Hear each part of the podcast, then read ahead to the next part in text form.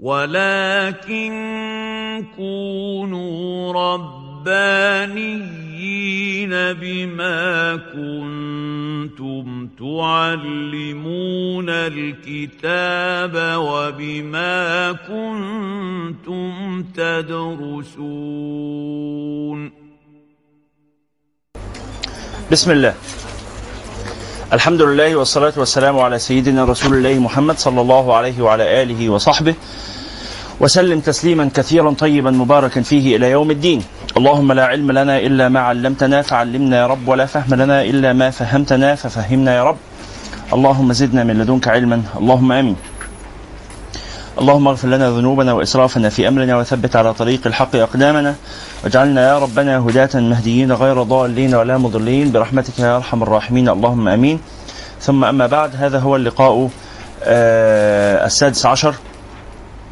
في إطار مدارستنا وقراءتنا لرسالة المعاونة والمظاهرة والمناصرة للراغبين من المؤمنين في سلوك طريق الآخرة للإمام الحداد باعلوي رحمه الله. وقد وصلنا إلى قوله رحمه الله فصل وعليك بالحب في الله والبغض في الله فإنه من أوثق عرى الإيمان. تعلمون أيها الإخوة والأخوات أن دين الله سبحانه وتعالى أتى لإصلاح جوانب الإنسان الثلاثة من عقل وجسد وقلب. وأن العقل هو الذي تصدر عنه العقل هو الذي تصدر عنه الأفكار والقلب هو الذي تصدر عنه المشاعر والجسد هو الذي تصدر عنه الأفعال. والمشاعر التي يشعر بها الإنسان مشاعر كثيرة. لكن أجل هذه المشاعر وأعظم هذه المشاعر وإذا ما رأينا منظر القلب أو رمز القلب أو علامة القلب تذكرنا هذا الشعور فقط رغم أن القلب موضع لكثير من المشاعر. يعني القلب يخاف. القلب يشعر بالجزع. القلب يشعر بالحسد. القلب يشعر بالروعة بالتمني. القلب يشعر بالحماسة. القلب يشعر بال ماذا أيضا هناك من المشاعر؟ القرف الاشمئزاز. القلب يشعر ب المشاعر الأخرى التي يشعر بها الناس الفرح القلب يشعر بالحزن القلب يشعر بماذا أيضا؟ أسماء المشاعر. القلق نعم صدقتي القلق. ماذا هناك أيضا مما يشعر به القلب؟ الشوق أه وغير ذلك مشاعر كثيرة جدا لكن أجل هذه المشاعر الحب. ولذلك النبي عليه الصلاة والسلام جعل الحب هو أوثق عرى الإيمان. الإيمان هنا ليس بمعنى الأفكار. الإيمان هنا ليس بمعنى العقيدة إنما الإيمان هنا بمعنى الإحسان. البغض في الله والحب في الله من أوثق عرى الإيمان. الإيمان بمعنى يا إخواني اكتبوا هذا في الهامش. الإيمان هنا في هذا الحديث الوارد عن رسول الله صلى الله عليه وسلم. الإيمان هنا بمعنى الإحسان. ومثل ذلك في كتاب الله سبحانه وتعالى. قالت الأعراب آمنا قل لم ولكن قولوا ولما يدخل الإيمان في قلوبكم. الإيمان هنا في الآية بمعنى الإحسان. وإلا فالإيمان بمعنى العقيدة. أرجو أن ننتبه إلى هذا المعنى. الإيمان بمعنى العقيدة لا يصح الإسلام إلا به. الإيمان بمعنى العقيدة بمعنى التصديق. لا يكون الإنسان مسلما لو أنه لو لم لم يكن مصدقا. يعني إنسان يقول أنا غير مصدق بوجود الله. ها؟ ربنا يقول له ما تقولش على نفسك مؤمن. ما على نفسك مصدق أنت بس مسلم هل الذي يكون غير مصدق يكون مسلما أم لا؟ وعليكم السلام إزيك يا شيخ مصطفى؟ يا إخواني أرجو أن تجيبوا عن, عن عني في هذا. الذي يكون غير مصدق هل يسمى باسم الإسلام؟ الله سبحانه وتعالى يقول لهم لستم مؤمنين ولكن أنتم مسلمون. لستم مؤمنين هنا. عندما نفى عنهم الإيمان هل يتصور أن ينفي عنهم الإيمان بمعنى التصديق ثم يسميهم بعد ذلك باسم المسلمين؟ لا. إذا هو نفى عنهم الإيمان بمعنى الإحسان بمعنى الشعور بمعنى كمال تصديقهم كمال تصديقهم مش أصل تصديقهم. بالله سبحانه وتعالى. شعورهم بخشيته وحبه والتوكل عليه ورجاءه وثوابه وغير ذلك من هذه المعاني القلبية التي هي اصطلح العلماء بعد ذلك على تسميتها باسم الإحسان أو باسم علم التزكية وكانت قديما السلف رضوان الله عليهم كانوا يسمونها بالإيمان وكانت هذه المعاني عندهم هي الإيمان وكانت هذه المنازل منازل الإيمان. تفهمون هذا؟ نعم. فالشيخ قال فصل وعليك بالحب بال- في الله والبغض في الله. ما معنى الحب في الله؟ الحب نعرفه. ما هو الحب؟ الحب له تعريفات كثيرة جدا. أوصلها بعضهم إلى ثلاثة آلاف تعريف. ثلاثة آلاف معنى لهذه الكلمة. وبعضهم قال لا يمكن تعريفه. الحب شعور لا يمكن تعريفه. هو يحس به فقط كما لا يمكن تعريف آه، أذواق الأشياء. فعندما أقول لك لو سمحت عرف طعم المانجا مثلا. عرف طعم الفراولة. هل تستطيع أن تعرف هذا الطعم؟ لا يمكن تعريفه. لا يمكن تعريفه. ما الفائدة من التعريف يا شيخ مصطفى؟ لماذا اخترع العلماء التعريفات؟ نعم لتقريب المعاني لتوصيل المعاني. يقولون الهدف من التعريفات حصول التصورات. الهدف من التعريفات حصول التصورات. أنا أريدك أن تتصور أمرا ما فأجعل أضع له تعريفا. الهدف من التعريفات حصول التصورات. ثم بعد حصول التصورات تأتي بعد ذلك مرحلة أخرى هي الحجج والبراهين لحصول التصديقات. فالأفكار التي تكون داخل ذهن الإنسان أحد نوعين إما أنها تصورات وإما أنها تصديقات. تصورات إدراك المفردات والتصديقات الحكم على هذه المفردات بحكم ما. نسبة أحد الأحكام إلى هذه المفردات أو نفي هذه النسبة يعني إلى آخره مما تعرفونه بدراسة علم المنطق. فالبعض قال أن الحب هذا لا يمكن تعريفه لخفائه. والبعض الآخر قال لا لا يمكن تعريفه لظهوره لوضوحه. فلا لا نستطيع أن نعرف الواضحات الجليات. على كل حال هذا الحب الذي هو العاطفة القلبية معروفة عند الجميع لكن كيف تكون في الله؟ الحب في الله والبغض في الله. ما هو الحب في الله؟ الحب في الله هو الحب الذي يكون بسبب الله فإذا زال منه الله زال هذا الشعور الحب في الله هو الذي يكون هو الحب الذي يكون بسبب الله يعني إذا تخيلت أني أحب هذا الإنسان لأجل الله فلو أمرني الله بعدم حبه ما أحببته هل هذا ممكن؟ هل هذا ممكن؟ هل الحب هل الحب مما يمكن التحكم فيه؟ ها؟ أم أنه أمر آه، إلزامي يخضع له القلب بلا يعني طواعية و ها؟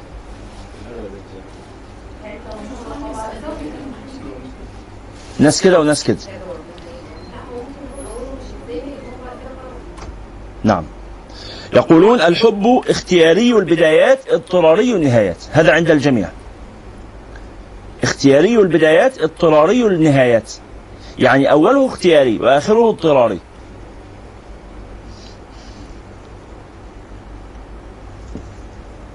هذا عند الجميع.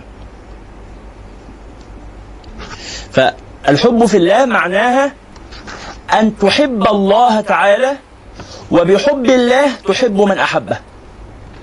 وهذا ما يجعلك تنزع حبك للناس إذا ما تخلوا عن حب الله أو تخلى الله عن حبه لهم. فمباشرة يعني هم بيخرجوا من دائرة ال- ال- الشعور بشكل لا إرادي بشكل تلقائي. لأن الحب لم يوجه لهم إنما الحب وجه إلى الله وبحب الله أحببناهم. وبحب الله أبغضناهم لأنهم يبغضونه أو لأنه يبغضهم. فإذا ما أحبهم أحببناهم فورا. مسألة بالتبعية.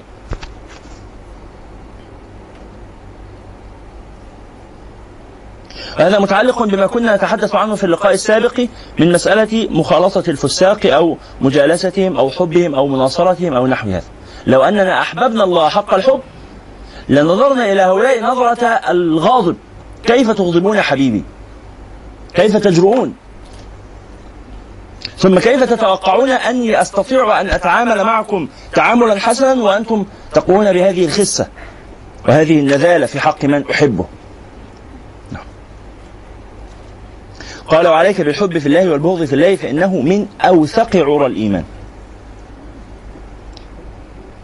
لماذا يكون الحب في الله والبغض بالله من أوثق عرى الإيمان؟ لأنه أمارة على خروج العبد عن حظ نفسه إلى حظ ربه. الحب في الله والبغض بالله من أوثق عرى الإيمان لأنه علامة وأمارة وعليكم السلام كده توضح أن هذا العبد الذي أحب في الله لو كان فعلا يعني صادق في أنه في أن حبه هذا في الله. لو أنه صادق في هذا حقا فهذا دليل أكيد وبرهان جازم ساطع قاطع على أن هذا العبد صادق المحبة لله. فإن هواه تبعا لمراد الله. والنبي عليه الصلاة والسلام قال إيه؟ لا يؤمن أحدكم حتى يكون هواه تبعا لما جئت به. لا يؤمن أحدكم. مش ممكن يسمى مؤمن. بمعنى لا يتم إيمانه. مش لا يحصل أصل إيمانه. وعليكم السلام ورحمة الله. لا يتم إيمانه لا, لا يؤمن أحدكم حتى يكون هواه. طب وهو الهوى مما يمكن التحكم فيه؟ ها؟ لا. الهوى لا يمكن التحكم فيه. لأن ما معنى هوى أصلا يا الشيخ؟ هوى بمعنى سقط. هوى بمعنى سقط. والهوى هو الميل أو هو الانجذاب أو هو الشعور بالجاذبية تجاه معنى ما تجاه شخص ما. هذا هو الهوى. والهوى يعمي القلب ويعمي النفس ويعمي البصر ويعمي البصيرة. لذلك قالوا آآ آآ حسن في كل عين من تود. ها؟ لذلك قالوا القرد في عين أمه غزال. ها؟ أو نحو هذا. لماذا؟ عندها هوى. غصب عنها هي لا تستطيع أن تبصر عيوبه. أدعى على ابني واكره اللي يقول أمين. لأنها عندما تدعو عليه هي ليست صادقة في هذا الكلام؟ وهذا الكلام ليس خاصا فقط بالأم مع ابنها بل مثلا الزوجة مع زوجها ربما الزوجة تذهب إلى أمها تشتكي ها؟ من زوجها. تشتكي مر الشكوى. فإذا ما رأت أن أمها تشعلها عليه توقفت عن الشكوى لأمها. لأنها إنما تريد أن تحكي على سبيل الإيه؟ الفضفاضة عشان حد يسمعني عشان أهدى عشان أعرف أرجع أعمله كويس. عشان مش عايزة أبخ مشاعري السلبية دي في وشه هو. فإذا وجدت أن أمي أو صديقتي هتستغل الموضوع وتصطاد في الماء العكر وتزودني عليه أنا سأتوقف عن حكي له. أليس هذا شأن كثير من النساء مع أزواجهم؟ نعم. وكذلك الأمر مع الرجال وإن كان الأمر يعني هذا الأمر عند الرجال أقل. لماذا؟ لأمر آخر. مما يذكره يعني التربويون وعلماء النفس. الشاهد أنه الإنسان هذا الذي كيف يستطيع الإنسان أن يكون هواه تبعا لأمر ما؟ كيف يستطيع الإنسان أن يتحكم في الهوى؟ هذا أمر غير ممكن. النبي عليه الصلاة والسلام ذهب إليه رجل وقال يا رسول الله أوصني. قال لا تغضب. قال يا رسول الله أوصني. قال لا تغضب. قال رسول الله أوصني. قال لا تغضب. فالعلماء فقال يا رسول الله أو غير هذه؟ قال بل هي هذه. ما فيش وصية. فالعلماء في شرح هذا الحديث قالوا إن هذا الكلام من النبي عليه الصلاة والسلام من نوعية التكليف بما لا يطاق. التكليف بما لا يطاق. لا يستطيع الإنسان ألا يغضب. هذا لا يدخل تحت قدرة المكلفين. الله سبحانه وتعالى يقول لا يكلف الله نفسا إلا وسعها. والله سبحانه وتعالى يقول بعدها لا يكلف نفسا إلا ما آتاها. فليس في قدرة الإنسان ألا يغضب فإزاي النبي عليه الصلاة والسلام يكلفه بأمر خارج عن مقدوره؟ تفهمون هذا الذي يقول؟ هل يجوز؟ أين علماء الأصول؟ أهو معانا الأستاذة رضا والأستاذة هبة. معانا حد تاني من علماء الأصول؟ بس اثنين أهم. يقولوا لنا بقى إزاي النبي عليه الصلاة والسلام هل يجوز التكليف بما لا يطاق؟ هو أول التكليف بما لا يطاق ده. تبع إيه في مباحث علم الأصول؟ تبع المبادئ العشرة صح؟ الله يفتح عليك. ها تبع إيه في علم الأصول؟ المحكوم؟ فيه ولا عليه؟ لا من غير الكتاب يا أستاذة هبة. شكرا يا أستاذة رضا على اماناتكم ها؟ يلا بسم الله أكملوا. المع... أنتوا بتقولوا صح؟ المعلوم فيه ولا المحكوم فيه ولا المحكوم عليه؟ المحكوم فيه اللي هو فعل المكلف والمحكوم عليه اللي هو؟ المكلف شخصيا. طيب المحكوم فيه ده له شرطين. إيه هم يا أستاذة هبة؟ أستاذة هبة. ها؟ اتفضلي أن يكون مقدورا عليه؟ وأن يكون مقدورا عليه في استطاعته. الشرط الثاني؟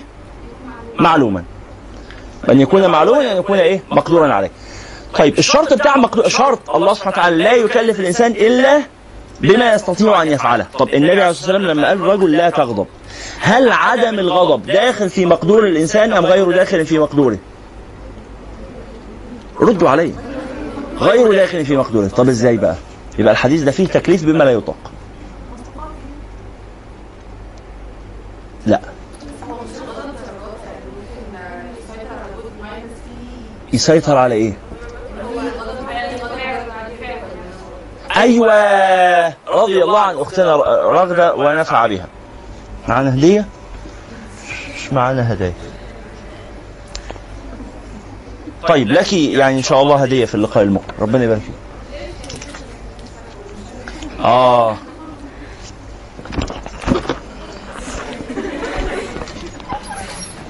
السلام عليكم. لو سمحتوا ممكن تجيبوا لنا قروش؟ عايزين فك. لما تجيبوا لنا خلاص طيب بسم الله. صليتم على رسول الله؟ يبقى هذا الحديث لا تغضب ليس نهيا عن الشعور فإنه غير داخل في مقدور المكلف ولكنه نهي عن تحويل الشعور إلى فعل. فهو نهي عن الفعل. الشعور لا تحاسب عليه. إنما الذي تحاسب عليه هو إيه؟ الفعل. الناتج عن الشعور. لا تغضب. أي لا تنفذ غضبك. لا تنفذ غضبك. لا تحول غضبك إلى أفعال. ما هي الأخلاق؟ ما تعريف الأخلاق يا شيخ أحمد؟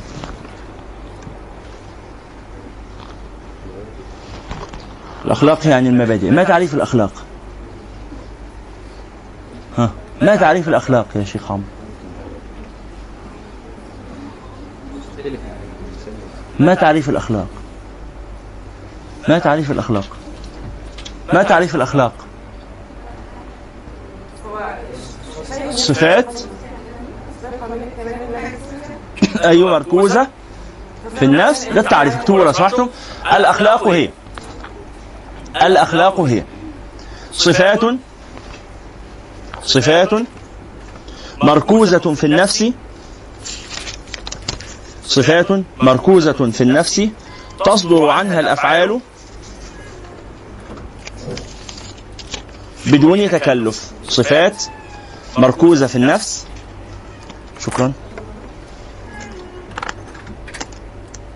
تصدر عنها أستاذة سارة دولي أختك شكرا جزيلا. تصدر عنها الأفعال بدون تكلف. خلاص لا إشكال لا إشكال. سقط؟ يلا. ماشي. تسقط تصدر عنها الأفعال؟ وعليك السلام إزيك يا إبراهيم؟ بدون تكلف. يعني النبي عليه الصلاة والسلام لما قال له لا تغضب هو معنى الكلام انه يقول له لا تحول غضبك هذا إلى فعل. حاول أن تكظم غيظك أو تكظم غضبك. لكن الشعور الداخلي كيف يمكن التحكم فيه هذا غير ممكن. إنما يمكن ماذا؟ يمكن التحكم في مقدماته أو في مسبباته حتى لا يحدث. يمكن التحكم في مقدماته ومسبباته حتى لا يحدث. فالآن هناك أشياء تؤدي إلى الحب. ناس يحبون الله تعالى. أنت لا تستطيع أن تحبهم بمجرد بضغطة زر كده يلا أحب الناس دول؟ هذا صعب جدا. فلذلك الله سبحانه وتعالى كلفك بأعمال إذا فعلت هذه الأفعال أو هذه الأعمال أحب أحببتهم وأحبوك. النبي صلى الله عليه وسلم قال المؤمن يألف ويؤلف. ولا خير في من لا يألف ولا يؤلف. ليه؟ علشان تتعلم تبقى اجتماعي عشان تتعلم تحب الناس الطيبين الصالحين عشان عشان يحبوك. لا خير في من لا يألف ولا يؤلف.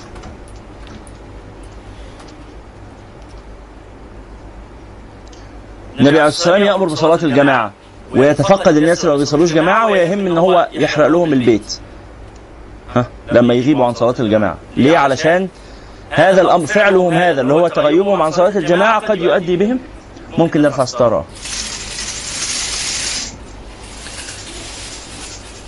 هذا الأمر اللي هو تغيبهم عن صلاة الجماعة قد يؤدي بهم إلى أنهم يتحولون إلى ناس منعزلين عن المجتمع. لا يحبون احدا ولا يحبهم أحد فيحرمون من هذا الثواب العظيم الذي هو ثواب الحب في الله أو البغض في الله. طب لو حد طويل يساعدنا؟ ربنا يبارك فيكم. نعم. تبعا لما جئت به. لا يؤمن أحدكم حتى يكون هواه تبعا لما جئت به.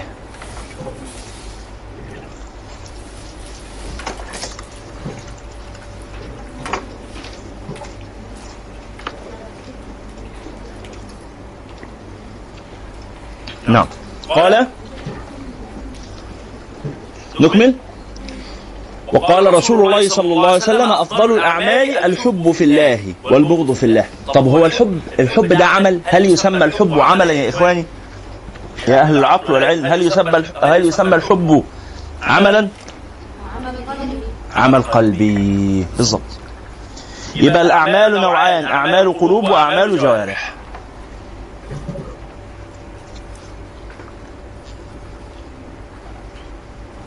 أعمال قلوب وأعمال جوارح.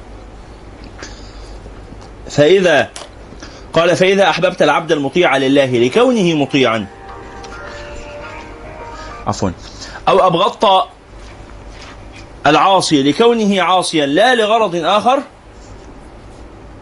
فأنت ممن يحب في الله ويبغض في الله حقيقة.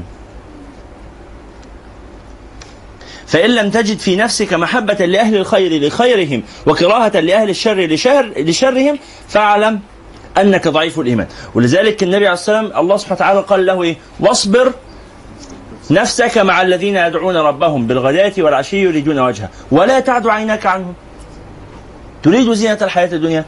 ولا تطع من أغفلنا قلبه عن ذكرنا. واتبع هواه وكان أمره فرطا.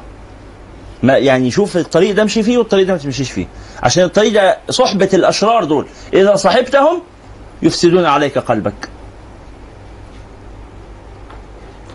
ولا تعد عيناك عنهم. تريد زينة الحياة الدنيا. ما تصرفش عينك عنهم. ما تصرفش اهتمامك عنهم. دول هم دنيتك وآخرتك. نعم طب إيه إيه الحاجة يعني اللي تعين على ده لو كان آه، يعني ال- اللي يحب ويكره في الله ده هو من الأهل يعني هو بيبقى صعب الأمر صعب جدا ده إيه اللي يكره في الله هو من الأهل تقصدي بقى فده يبقى صعب. آه. إزاي أكره واحدا من أهلي في الله؟ إن أنا ببساطة أضعه في مقارنة مع الله. فأتذكر نعمة الله علي ونعمة هذا الإنسان علي وفضل الله علي وفضل هذا الإنسان علي. ورحمة الله بي ورحمة هذا الإنسان بي. فلما أتذكر لما أعلم حقيقة قدر الله ورحمة الله وفضل الله ونعمة الله وجود الله أنظر إلى مدى سوء فعل هذا الإنسان. مهما كان أبويا أخويا أمي أختي بنتي ابني أي حد. إذا نظرت إلى عظمة فعل الله ثم رأيت فعل هذا الإنسان يكون عندي غضب تجاهه. وغضبي تجاهه ده ما يخلينيش آه، لا يعني ما يخلينيش أسيء إليه ولا يخلي لا. إحنا زي ما قلنا المرة اللي فاتت يا جماعة الناس إما إيه؟ محارب عدو وإما مجافي وإما جاهل مش واخد باله غافل. فقريبي هذا أخي ولا أبي ولا ابني ولا زوجتي ولا زوجي ولا على حسب. لو هو معادي لله مش ممكن يبقى في قلبي ذرة حب أو تعاطف ناحيته ده معادي لله. ده في حرب مع الله. حرب مع الله يبقى حرب عليا على طول. يبقى أنا حاطط نفسي في ناحية ربنا سبحانه وتعالى. بيحارب ربنا يبقى بيحاربني واحد بيحاربني ويتسلل ليلا من أجل أن يقتلني مثلا يعني. هل ممكن أحبه وأتعاطف معاه؟ ده أنا هبقى عايش معاه وأنا قلقان منه وخايف و... عايز أخلص منه. لا آه، الذمية من أهل الكتاب هذه برضو أهل الكتاب دول قد يكون الواحد منهم. محارب عدو؟ يا إبراهيم. قد يكون عدو قد تكون من أعداء الله وهذه لا يجوز الزواج بها. شكرا. ما هو لحظة واحدة إحنا بنك... في ناس مين؟ أهل الكتاب دول. إما محاربين هؤلاء لا يجوز الزواج بهن أو بنسائهن. المرأة الكتابية الحربية لا يجوز الزواج بها. وإما أنها غير حربية. غير حربية تبقى إيه؟ تبقى ذمية. يعني إيه ذمية؟ يعني جالسه في بلاد المسلمين وراضية بحكم المسلمين و فيبقى في شرط تاني للزواج بها. إيه هو؟ أن تكون عفيفة دينة. لا تبقى متدينة بدين قومها ما ينفعش تبقى ملحدة. فاهمين هذا المعنى؟ ما ينفعش تبقى ملحدة لازم تبقى متدينة بدين قومها. رغم إنه كفر. بس هو حاجز لها عن المعاصي. فلو أنها تفعل امرا على دين قومها حرام فلا يجوز تمكينها منه ولا يجوز أن يتزوج بها. والعياذ بالله امرأة مثلا زانية. خلاص أو نحو هذا. هذه لا يجوز الزواج بها حتى ولو كانت غير محاربة. لاختلال الشرط.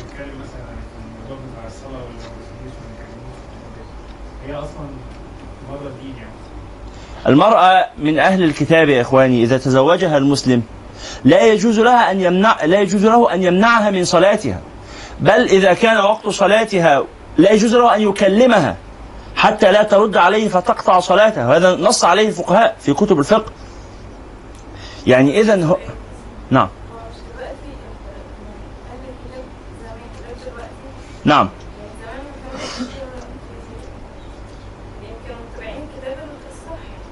زمان ده اللي هو السلام أيام الرسول عليه الصلاة والسلام. ما كانوش متبعين الكتاب حقا لأنه لو اتبعوا الكتاب حقا لا تبعوا رسول الله يعني كانوا بيقولوا ان سيدنا آه، عيسى ابن الله لقد كفر الذين قالوا إن الله ثالث ثلاثة في القرآن. لقد كفر الذين قالوا إن الله هو المسيح وعيسى ابن مريم. وقالت اليهود عزير ابن الله وقالت النصارى المسيح ابن الله. هذا في القرآن. إيش مصطفى؟ لم ننتهي.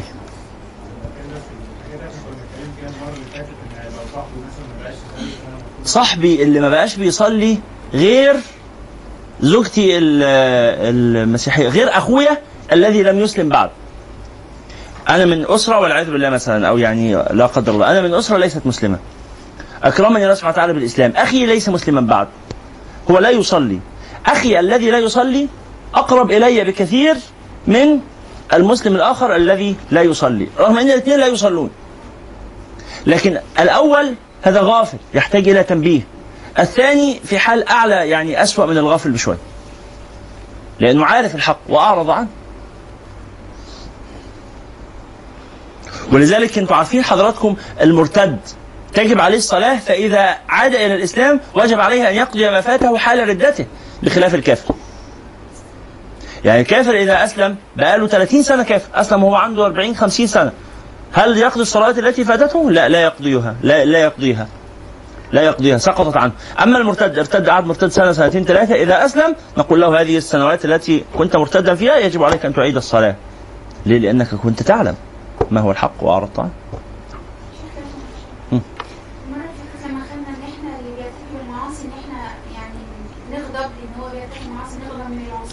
أنهي معاصي؟ عذرا يا أستاذة فاطمة.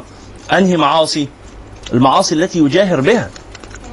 يعني أنا إذا اطلعت من أحد أهل بيتي على معصية يستتر بها ويحجبها عن الناس ونحو هذا ثم اكتشفتها بشكل أو بآخر هذا إنسان خير حالا من الذي يجاهر بالمعصية لأنه لا يسمى فاسقا أو محاربا أو نحو هذا. نعم. يعني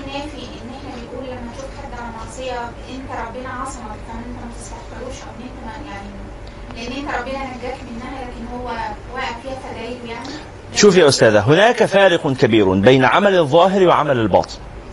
عمل الظاهر وجوب المقاطعة والابتعاد. عمل الباطن أن أقول اللهم اغفر له واستر علي عيبي. فأنا باطنا أعتقد أن كل الناس خير مني. ظاهرا لا أقارب الفسق نعم.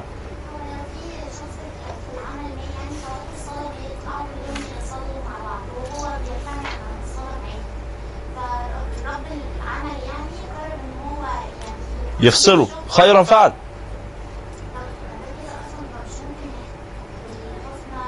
حسن إيه؟ أنا أعطي مالي لفاسق. ليه؟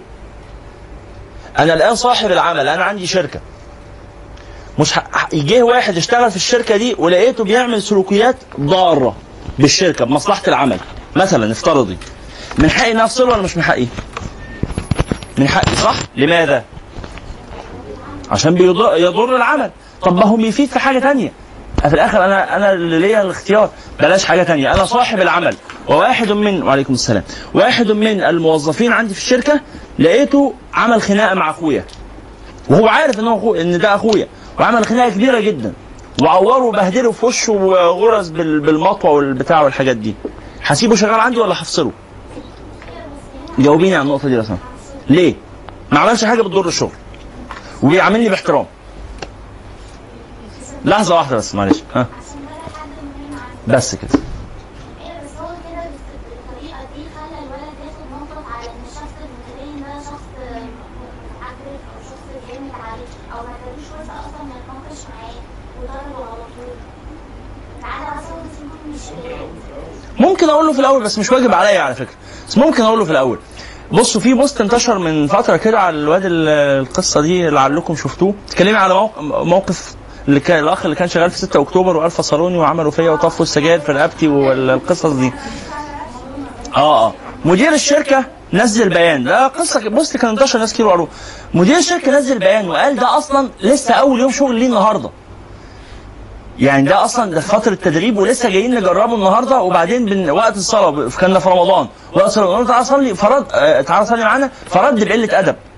إنه مش هصلي ومالكوش دعوة. اتفضلي. ومالكوش وعليك السلام ومالكوش دعوة بيا ولا بفعلي. نعم. أهلا اتفضل ومالكوش دعوة بيا ولا بفعلي وحاجات كده فما ما كانش يمكن استمراره. بس ايا المكان يعني. اتفضلي يا فندم. خير خير إن شاء الله. لا بأس لا بأس. فايا مكان بغض النظر عن موقف صاحبنا ده يا جماعة أنا في شركتي الخاصة ملكي عملي مالي. جه واحد بيشتغل عندي ولقيته مسيء التصرف بأي شكل من أشكال الاساءه من حقي إني أفصله حتى من غير إنذار. على حسب العقد اللي بيني وبينه على حسب قانون العمل على حسب حاجات كتيرة. يعني ممكن يكون العقد اللي بيني وبينه ما فيهوش بند زي كده. العقد اللي بيني وبينه بيقول ان لما أفصله لازم هديله مرتب ثلاث شهور كتعويض. ايا مكان هلتزم بالشروط وخلاص وهفصله. نعم. اتفضلي أنا مش مسؤول إن أنا أديله بريك في وقت الصلاة. أنا مسؤول إن هو مسؤول إن هو يقتطع من وقت العمل بدون اذني على قدر صلاة الفريضة فقط. ولا يجوز له أن يصلي النافلة وقت العمل. بالمناسبة إلى السادة الموظفين في الشركات لا يجوز صلاة النافلة حتى بما في ذلك ال- السنن الراتبة. لو ركعتين قبل الظهر وركعتين بعده بتاع لا يجوز صلاة النافلة أثناء آه، وقت العمل. ولا يجوز الوضوء أثناء وقت العمل إذا كان من باب تجديد الوضوء. يعني لو أنت متوضي ما تروحش تجدد وضوءك. أنت بس بتتوضا وضوء الفريضة لكن تجديد الوضوء نافلة فلا تتوضأ. إلا إذا أذن صاحب العمل أو من يحل محله. مين اللي يحل محل صاحب العمل؟ ال- اللي اسمه ال team leader. ال- مدير الموقع المدير المباشر أي حد. ده خلاص بيقول لي والله انت علشان طاقتك الانتاجية تعلى فانت محتاج تريح الربع ساعة دي ولا النص ساعة دي ولا الساعة دي فبيديني break أعمل فيه اللي أنا عاوزه خلاص أصبح وقتي الخاص. نعم. مفيش مشكلة على حسب على حسب إذن صاحب العمل. إذن صاحب العمل أو من يحل محله. نعم.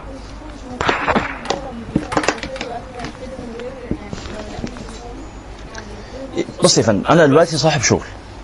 وبعدين جيت في يوم كده دخلت الشغل فلقيت واحد من الموظفين شكله مش عاجبني. لسبب غير موضوعي اطلاقا غير مهني اطلاقا. مجرد إن شكله مش عاجبني. وده عمل خاص مش عمل حكومي. من حقي افصله ولا مش من حقي؟ شرعا. عمل خاص يعني مالي. ظلم في إيه؟ آه مش عاجبني. أنا عايز أحس بالراحة الشخصية. يعني يعني في الآخر أنا بشتغل في مكان دي فلوسي. فلوسي. أنا مش هم مش همنعه رزقه مش همنعه حقه. هو اشتغل؟ بس بس خليكم معايا. اشتغل فهياخد أجرته. والعقد اللي بيني وبينه بيقول إن لما أفصله هديله مرتب شهر زيادة أو شهرين أو ثلاث شهور أو ايا مكان الاتفاق. هديله حقوقه كاملة. وهفصله من حقه. ليه؟ إحساسك ده كواحده واحدة صاحبة عمل في كتير من الحالات بيكون إحساس مبني على الخبرة لا يمكن آه، التدليل عليه. انت عارفة من خبرتك الطويلة في الشغل بقالك 40 سنة في السوق. لما حد ما بتستريحلوش بتيجي من وراه مصايب. انت جربتي قبل كده؟ كذا واحد. ما تستريحلوش ولا انت إيه ما أخليه شوية ما, ما يضرش. بتخليه شوية فبيضر. وما بتبقيش عارفة انت مش مستريحه له ليه. فاهم اللي عايز أقوله؟ في الآخر يا جماعة إحنا ب- أنا بتكلم على مال خاص عمل خاص مش حكومة. مش مال المسلمين وانت بتتحكم فيه. لا ده مالك الشخصي. بالي الشخصي أنا هاجي على أكفأ الموظفين اللي في الشركة كلهم وأفصلهم. هختار أكفأ 10 موظفين وأفصلهم. واختار أسوأ وأفشل وأكسل 10 موظفين وعينهم رؤساء مجلس آه، أعضاء مجلس الإدارة معايا. إيه رأيك؟ من حقي أن أفعل هذا ولا ليس من حقي يا شيخ عمرو؟ حكم في ماله ومظهر يمكن عندي فلسفة يصعب فهمها. إيه إيه بقى فلسفتي؟ إن الناس الأكفاء دول هيتنططوا عليا. هيعرفوا أسرار الشغل وياخدوه يسرقوه يروحوا يشتغلوا عند ال- المنافسين. هيستقلوا بالعمل ويفتتوه ويكسروه. لكن الكسالى دول نقول له يمين يمين نقول له شمال شمال. وجهة نظري كده. ايا مكان منطقي في إدارة العمل بالتالي دي حاجة تخصني صح ولا إيه؟ ولا عايز تتحكمي في إدارتي العملي؟ ولا عايز تتحكمي في إنفاقي المالي؟ مش من حقك. صح يا جماعة ولا أنتوا؟ طب ده مش عادل. عشان أنتوا موظفين. لما تبقوا أصحاب عمل هتقولوا على العكس. يعني بقى. اتفضلي.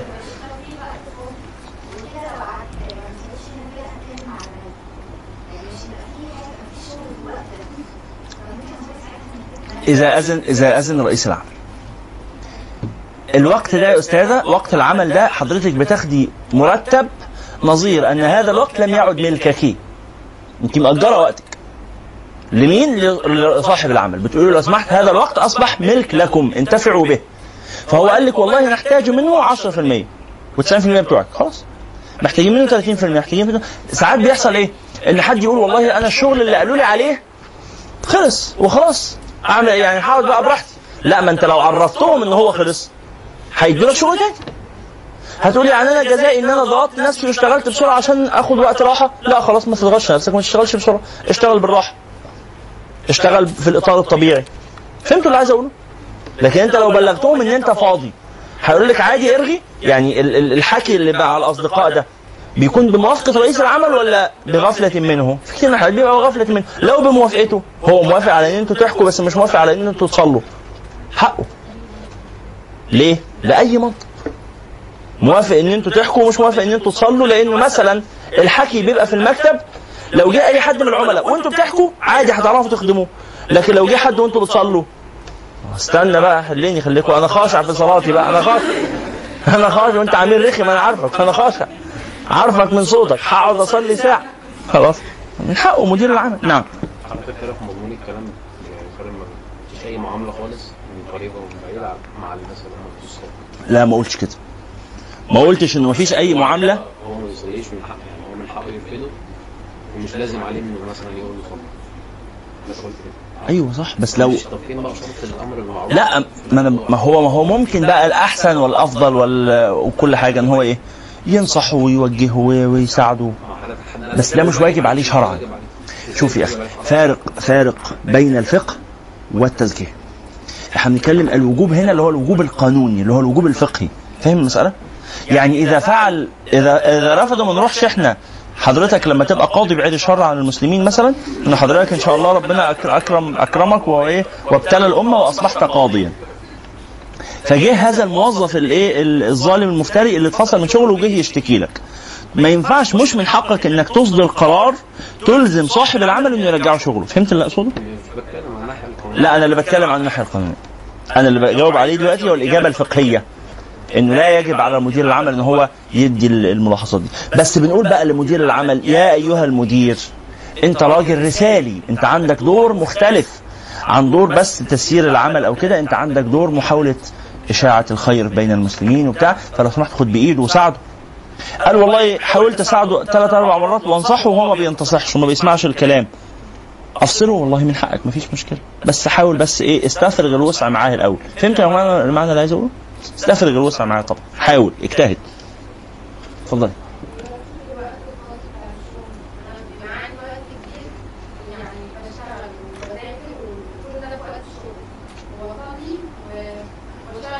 وبطبخ و... وبشتغل شغل تاني. ربنا يبارك يعني. الله المستعان. يعني اذا إذا مديرك في العمل يعلم إن أنت بتعملين كل هذه الأعمال وموافق على هذا قولي لي عليه عشان أروح أشتغل معاه. يعني أرجوك. يعني يا ريت يبقى مديري ده هيبقى يعني.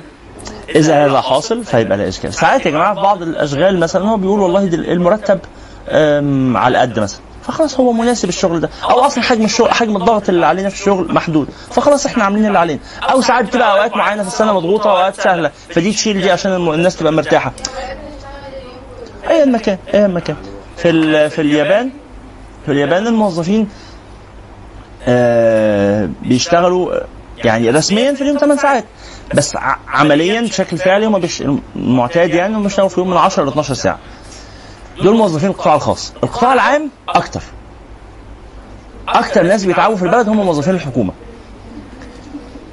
حقيقي يعني. ودول أكتر ناس بيقبضوا مرتبات. في كل ال- ال- ال- اله- الهيراركي يعني بتاع الدولة بيقبضوا مرتبات كويسة جدا بس بيشتغلوا شغل كتير جدا جدا جدا. لما كنت هناك كان في شهر ثلاثة وده شهر تقفيل السنة المالية. فكان ساعتها بيقولوا لنا موظفين الحكومة تقريبا كلهم بالذات اللي في وزاره المالية واخدين معاهم آه، الحفا وبطانيات وكده في الشغل عشان بيباتوا في الشغل من ضغط الشغل اللي عليهم. ف آه، إيه؟ فدول موظفين الحكومة موظفين القطاع الخاص حاجة ثانية وفي اليابان حاجة ثانية عجيبة جدا جدا يعني إن القانون بيلزم الموظفين إن هم ياخدوا أجازة. بيلزمهم. فالموظفين بيتهربوا من الأجازة هم عايزين ينزلوا الشغل. بيحبوا الشغل جدا هم بيحبوا الشغل بشكل غير عادي. فالقانون بيلزمهم إنهم ياخدوا إجازة عشان يعيشوا إنسانيتهم وكده فبيعملوا إيه؟ يروحوا الشغل وما يسجلوش في الورق إن هم جم عشان ما يتجازوش. لأنه لو اتسجل في الورق إن هم جم أو يعني مش الورق طبعا السيستم يعني لو اتسجل إن هم جم هيتحاسبوا ويتخصم منهم وكده فيروحوا ويشتغلوا بس ما يسجلوش. سبحان الله فعلا سبحان الله. آه. طيب أخونا بيقول صلوا على رسول الله. طيب أنا في الشغل والكشكول جنبي وبسمع محاضرة وبسجل ملاحظات. هذا العمل الذي أعمله يعطلني عن عملي الأصلي؟ على حسب عملي إيه؟ مدير هكتب ملحوظات لا روح قول له طبعا. أنا أنا أنا بيجي مثلا إنتاج هم أنا مطلع الإنتاج اللي هم محتاجينه مش بس بزود. أكيد بزود بحط في المخزن. قول له بقى. قول له لو سمحت أنا أثناء ما أنا أنا بدي لك كل اللي أنت عايزه أهو. بطلع لك يعني قول له قول له. الوقت ده مش ملكك. هو صاحب اللي أصلا عمل قدامي إن أنا أقول له. ما تعرفش توصل له؟ يعني أعرف أوصل له بس مش صاحب العمل مديرك المباشر. هو بيشوفني بعمل كده بس ما بيتكلمش. آه يعني ألفت نظره بقى. قول له والله أنا شغال كده الحمد لله يعني ربنا بيكرمني وأهو عامل لكم كل شغل اللي أنتوا عاوزينه وكل انتاج بطلعه. بس إيه بسمع شوية حاجات كده في ودني. في مانع أقول لك مفيش مانع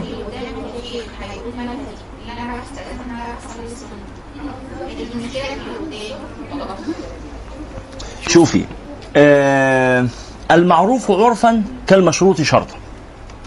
يعني يعني لو في حاجة شائعة وعامة والناس كلها عارفاها بس انت متأكدة ان هم كلهم عارفينها زي ما انت عارفاها ومدير العمل عارف بشكل أكيد عارف إن أنت دلوقتي بتصلي أو إن أنت دلوقتي بتسمع محاضرة أو كده مش لازم أروح أقول له على فكرة أنا بسمع محاضرة وبضيع من وقت الشغل. وأنت كده بتسمح لي إن أنا ما أشتغلش بالحد الأقصى من الشغل. مش لازم مش هيقول لي كده. مش هيقول لي كده مش يعني إيه مش لازم بحرفي يعني. هو فاهم وأنا فاهم؟ خلاص خلص الموضوع. المعروف عرفا كالمشروط شرطا قاعدة فقهية. نعم.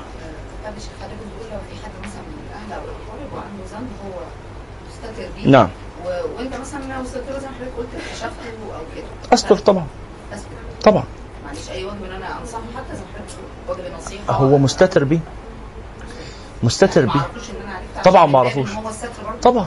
طبعا ما اعرفوش لأن أنا لو عرفته لا ما أنا ما اسيبوش متمادي بقى. أحاول أعمل حاجة تانية بشكل غير مباشر. ما تعرفوش إن أنا عرفت وفي نفس الوقت أجعله يتوقف. إزاي؟ إن أنا أخليه صاحب ناس كويسين إن أنا أشوف اللي هي المشكلة اللي هو بيعملها دي سببها إيه؟ وأحاول أعالج أسبابها. يعني ما هو الحاجات غير بعضها الذنوب غير بعضها. فأشوف الم- المشكلة دي الذنب ده أساسه إيه؟ أصله إيه؟ وأعالج أجفف المنابع زي ما بيقولوا وهكذا. طيب بسم الله. قال وعليك بصحبة الأخيار.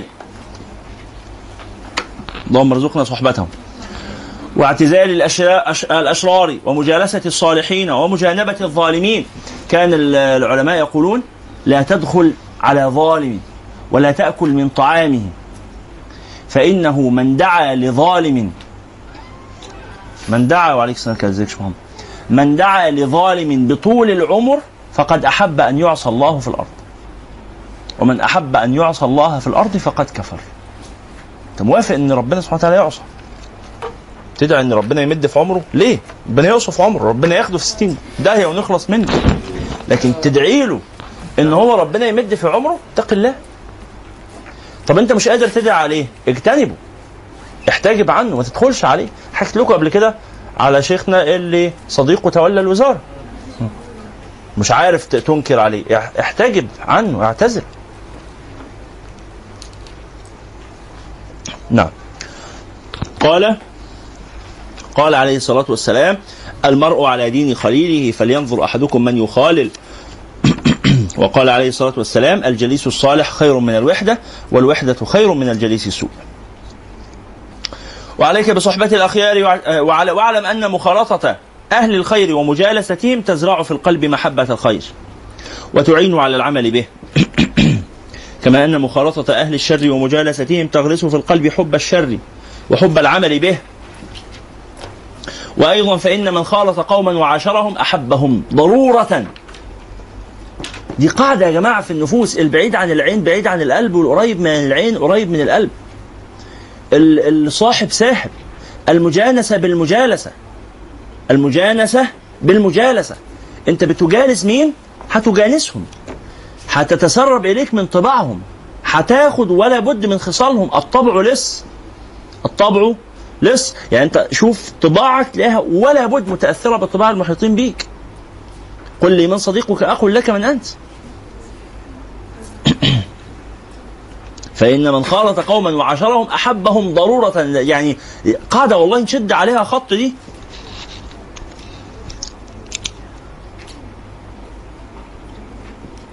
من خالط قوما وعاشرهم أحبهم ضرورة سواء كانوا أخيارا أو أشرارا. والمرء مع من أحب في الدنيا والآخرة.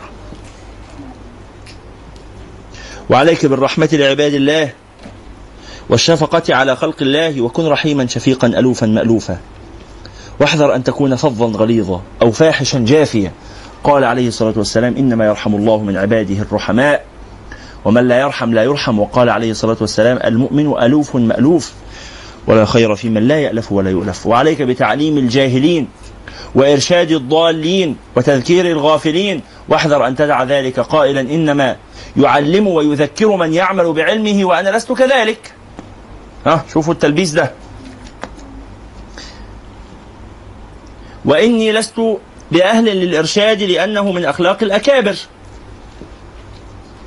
وهذا كله تلبيس من الشيطان. لحظة. وهذا كله تلبيس من الشيطان. إنك تقول إيه؟ أنا لن أنصح لأني لست أهلا للنصيحة. أنا يعني عايش وخلاص غلبان من أهل الذنوب. لا هذا من تلبيس الشيطان. قال فإن التعليم والتذكير من جملة العمل بالعلم. أنت عارف شوية حاجات. أنت آه مش كل شيء بس أنت مش لا شيء. أنت عارف شوية حاجات. فاللي أنت عارفه ده أنت مسؤول عن تبليغه. والأكابر ما صاروا أكابر إلا بفضل الله والعمل بطاعته وإرشادهم عباد الله إلى سبيل الله.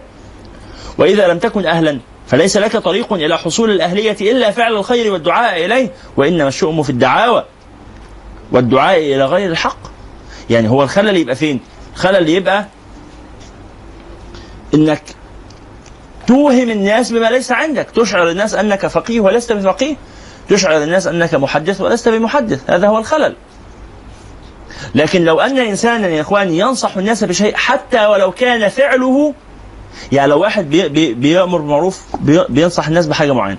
وبعدين بينه وبين نفسه بيخالف هذا الأمر. يتوقف عن النصيحة؟ لا لا يتوقف عن النصيحة. لا يتوقف عن النصيحة. لعل نصيحته تلك هو نفسه ينتصح بها ويتعظ بها وتكون وسيلة لإصلاح نفسه وهداية حاله.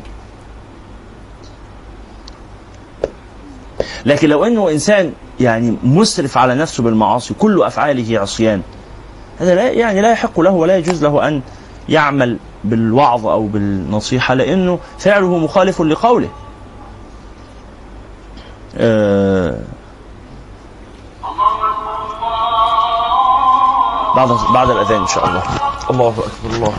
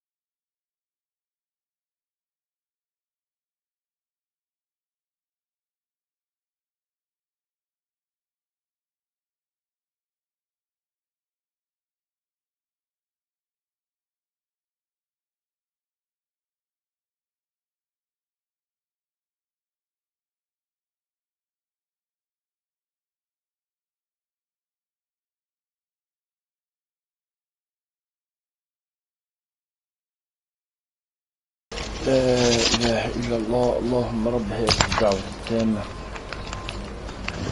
الصلاة القائمة آت سيدنا محمدا الوسيلة والفضيلة والدرجة العالية الرفيعة. وابعثه اللهم المقام المحمود الذي وعدته صل اللهم على سيدنا محمد وعلى آله وصحبه وسلم. عندي سؤال يقول آه عندما نبغض أحدا في الله هل من المستحب أم من المكروه؟ أن يعرف أننا نبتعد عنه بسبب بعده عن الله.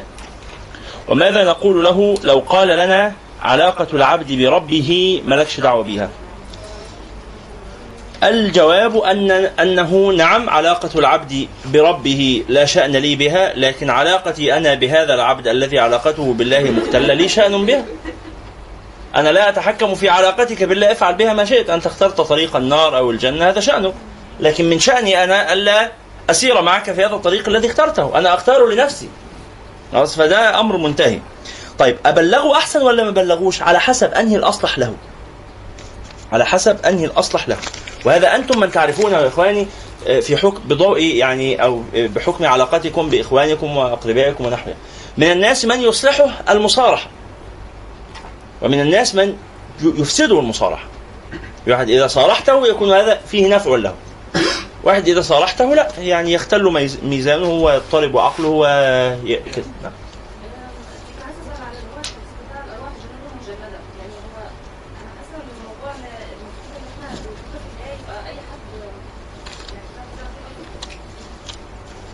لا الارواح حد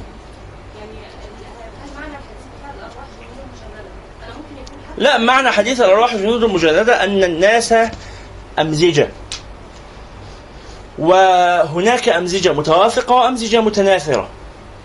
فهذا لا إشكال فيه وهذا ليس فيه تعارض مع ما نقول. يعني ربما يكون واحد من المؤمنين مزاجي متناثر مع مزاجه هذا لا إشكال فيه. هذا لا إشكال فيه. طيب سؤال يقول من قرأ ال... من من قائل عبارة من قرأ القرآن في أكثر من شهر فقد قلاه قائل هذه العبارة هو سيدنا عبد الله ابن عباس. طيب في قول بيقول من قرأ القرآن في كل سنة مرتين فقد أدى حقه. هل هذا صحيح؟ لا هذا غير صحيح.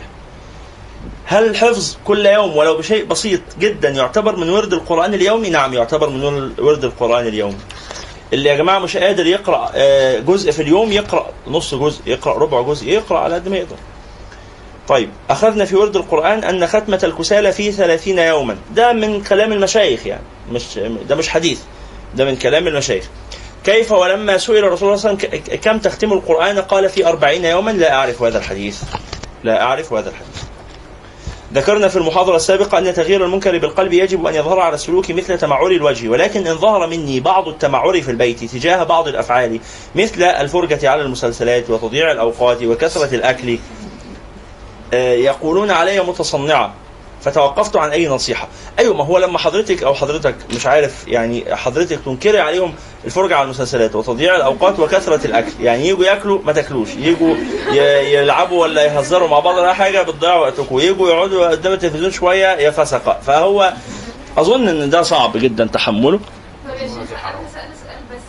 تسمحي لي أكمل؟ بس أنا مش قصدي كده ما كناش نعرف إن هو انت ف لا لحظة يا رغدة لحظة لحظة هي متنطعه بيتقال عليها متنطعه ماشي. آه لحظة واحدة. دلوقتي يا جماعة هناك فارق بين المنكر المتفق عليه والمرذول. تفهمون هذا؟ هناك فارق بين المرك المنكر وبين المرذول. فالذي ننكره على الناس هو المنكر وليس هو المرذول. الأمر المرذول هذا ننكره على من يطلبون الهمة العالية. يعني واحد ليس من أصلا من أهل الديانة ولا من أهل الورع ولا من طلبة العلم. ننكر عليهم المرذولات. هنقدرهم نقدر عليهم عيشتهم. الأول نشتغل معاهم على ال- الفرائض. فإن فعلوها فكرنا معاهم في النوافل. فإن فعلوها قلنا لهم على الن- النوافل الزائدة. فإن فعلوها قلنا لهم على ترك المرذولات. وهكذا. خلاص. يعني الفرجة على التلفزيون لا ده يعني على حسب على حسب المسلسل اللي بيتفرجوا عليه أو ال- المادة الفيلمية اللي بيشوفوها على حسب. المسلسل التلفزيون ده فيه حاجات كتير قوي خلاص يعني. اعذرين التلفزيون فيه حاجات كتيرة جدا. فمنها ما هو آه، حرام ومنها ما هو حلال ومنها ما هو مستحب ومنها ما هو مكروه على حسب. لكن حالة اطفي الزفت ده واقعد ذاكر آه، الأمهات المصريات التقليديات ده مش أمر معروف. أنا عارف إن مش دي رغده بس ده أنا يعني الشيء بالشيء يذكر أو يذكر. اطفي الزفت وقوم ذاكر ده حالة مصرية تقليدية طبيعية. ما نقولش بقى إن هي ليها علاقة بربنا وبالدين. يعني إيه؟ أنت كأم مصرية طريقتك كده في التربية ورثتيها عن أمك وبنتك هتورثها عنك وخلاص الأجيال تفضل مبتلاة. لا إشكال بهذا. قوم صلي. آه دي حاجة تانية طبعا. سمعت الأذان آه طبعا طبعا. آه لا طبعا طبعا طبعا. مفيش كلام. مفيش كلام. لكن تضييع الأوقات. يعني إيه تضييع الأوقات؟ يعني أنا لما أقعد ألعب كوتشينة مثلا. لا مش كده يعني طول اليوم مفيش حاجة مفيدة خالص خالص يعني طول اليوم يا اما على التلفزيون يا اما مثلا في اعملي انت اعملي انت نشاط مفيد وخليهم يصحبوك فيه اعملي نشاط مفيد وخليهم يصحبوك فيه كثرة الاكل يعني هو اذا كانت الحياة ما فيهاش حاجة مفيده أو ما فيهاش حاجة آه، جذابه ما هو نستغل وقتنا في حاجة يعني تفضل لنا يعني هو ده نعيم الحياة ومتعتها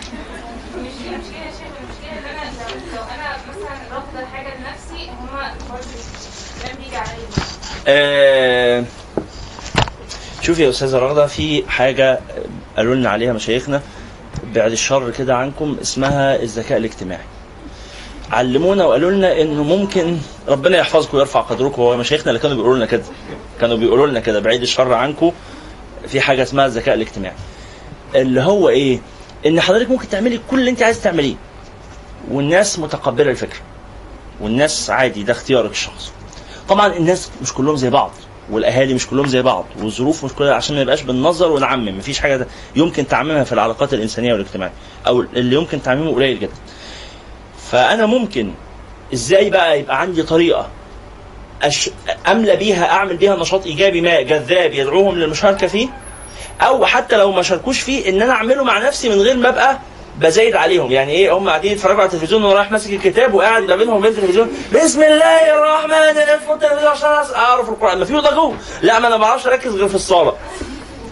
مش حضرتك بس يعني برضو الشيء بالشيء يذكر فهمتوا المسألة؟ في حالة من حالات المزايدة. ها؟ اللي هو هم قاعدين ياكلوا وبعدين إيه؟ أنا لا أحب أن أكثر من الطعام. فإن الإكثار من الطعام يفسد القلب ويعمي الروح ويشوش الذهن. وافضل إيه أه. أيوه لا بس بس أنا كده عمال اشعرهم بايه بدنو منزلتهم وعلو منزلتي اعملوا زي يا كلاب عشان تبقوا يعني محترمين وكويسين بصوا بصوا بصوا أنا يعني عاملة بصوا سلوكي عامل إزاي فهذا هذا ما يسمى بالمزايدات أحيانا تكون رخيصة واحيانا لا تكون كذلك على حسب الحال فامتى المزايدة تبقى رخيصة يا مولانا؟ أنا ما أعرفش يعني إيه؟ لا بيقولوا مزايدات رخيصة ما, ما بفهمش. إيه؟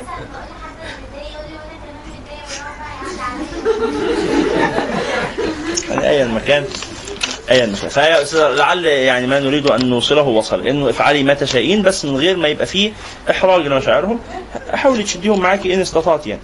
هل لو واحد مات قبل ما يلحق يحفظ القرآن كاملا ويوصل إنه يبقى مسلم صح وكويس؟ مين قال إن المسلم الصح الكويس هو اللي يحفظ القرآن كاملا؟ لا. مش بالضروره بنجتهد في هذا. وقبل ما يتم ويدرس علم شرعي إيه حسابه؟ والله يعني يحاسب على نيته وعلى عمله. هو أدى ما عليه وفعل على قد ما يقدر ولا كان مقصرا. الله المستعان. آه، آخر سؤال. أليس العاصي مسلم؟ كيف أبغض من آمن بالله حتى وإن كان عاصيا؟ أليس إيمانه بالله كافيا؟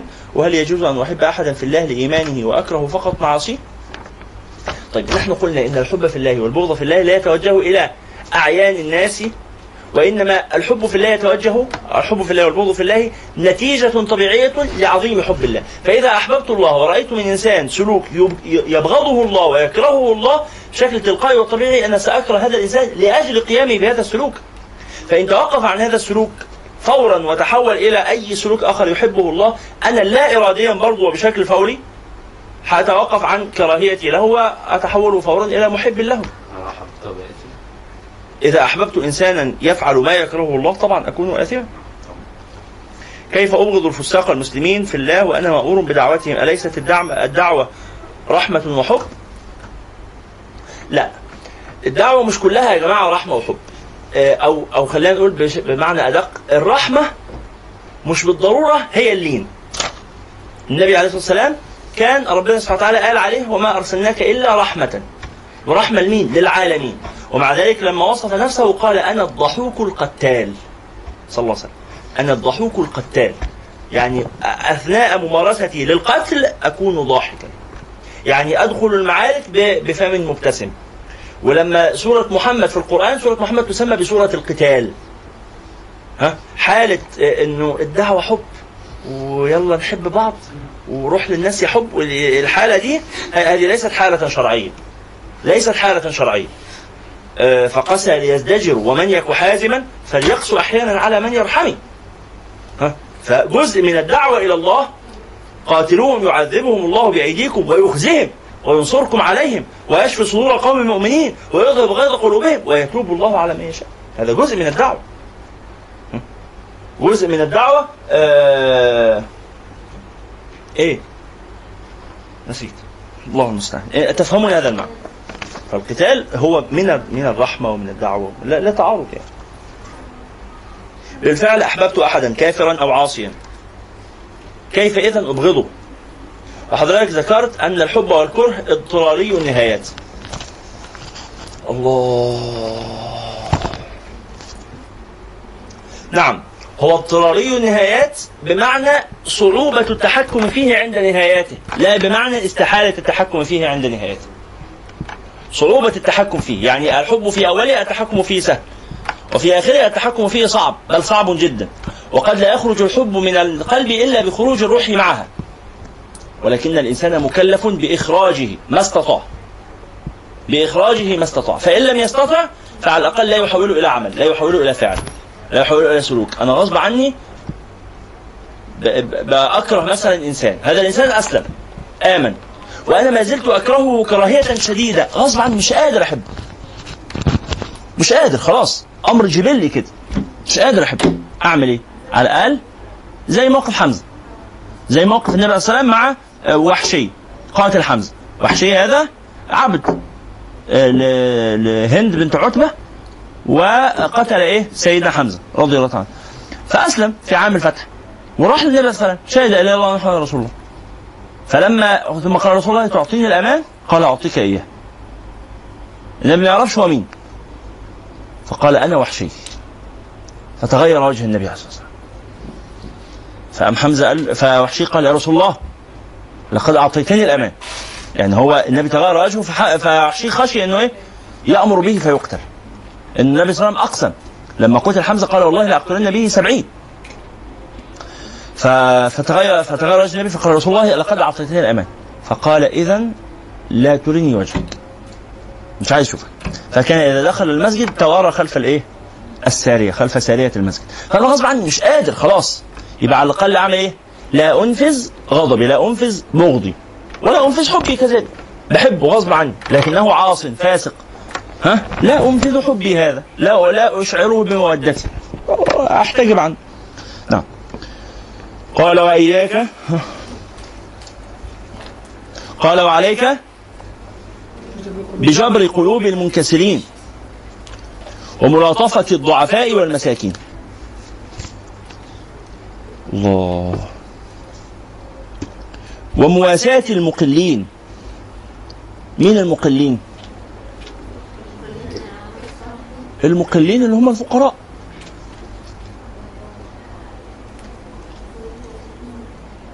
الحديث إيه؟ حديث فيه الم... خير الصدقة جهد المقل. خير الصدقة جهد المقل اللي هو الفقير اللي بيطلع على قد ما يقدر. والتيسير على المعسرين وإقراض المستقرضين. وفي الحديث إن ثواب الفرض أو عفوا إن ثواب القرض يزيد على ثواب الصدقة بثمانية أضعاف. وذلك أن القرض لا يأخذه إلا محتاج. ما الذي يجعل يا إخواني ما الذي يجعل القرض أفضل من الصدقة؟ أمران. القرض أفضل من الصدقة لأمرين. الأمر الأول أن المقترض متعفف. أكثر من تعفف آخذ الصدقة. ممكن يبقى آخذ الصدقة متعفف أيضا. لكن المقترض درجة تعففه أكبر إنه ما قالكش اديني صدقة قال لك طب سلفني وأنا هشتغل وأرجعهم لك. الأمر الثاني طبعا الصدقة يعني إيه إعطاء المال للمتعفف أفضل من إعطائه لغير المتعفف. الأمر الثاني إن أن القرض يعود فتخرجه إلى آخر. ها؟ فيحصل إيه؟ دورة للمال وإعادة استفاد به إعادة استفادة به مرة بعد مرة بخلاف الق... بخلاف الصدقة فإنها لا تعود. نعم. فالقرض أفضل من الإيه؟ من الصدقة. ثم قال نعم.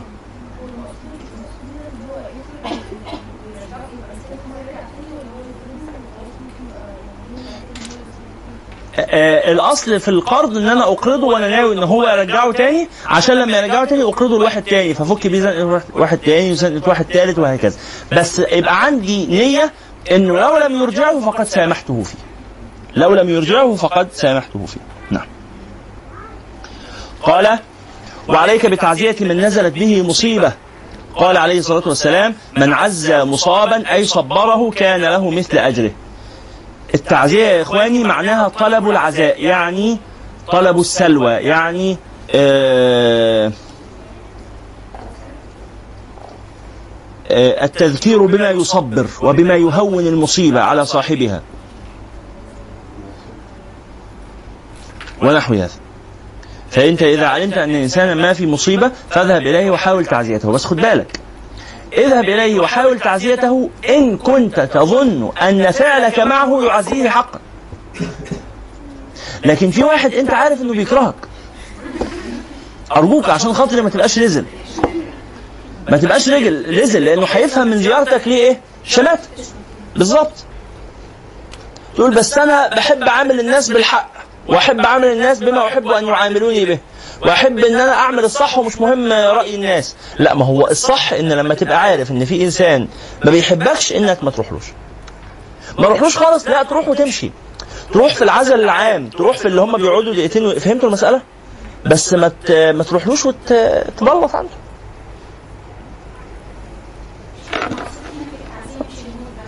نعم أي مصيبة أي مصيبة.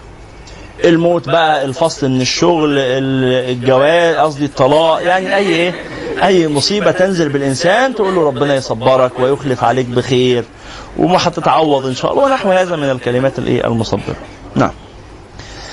قال وإياك والشماتة بأحد من المسلمين وهي أن تفرح بما يتنزل أو بما ينزل به من المصائب.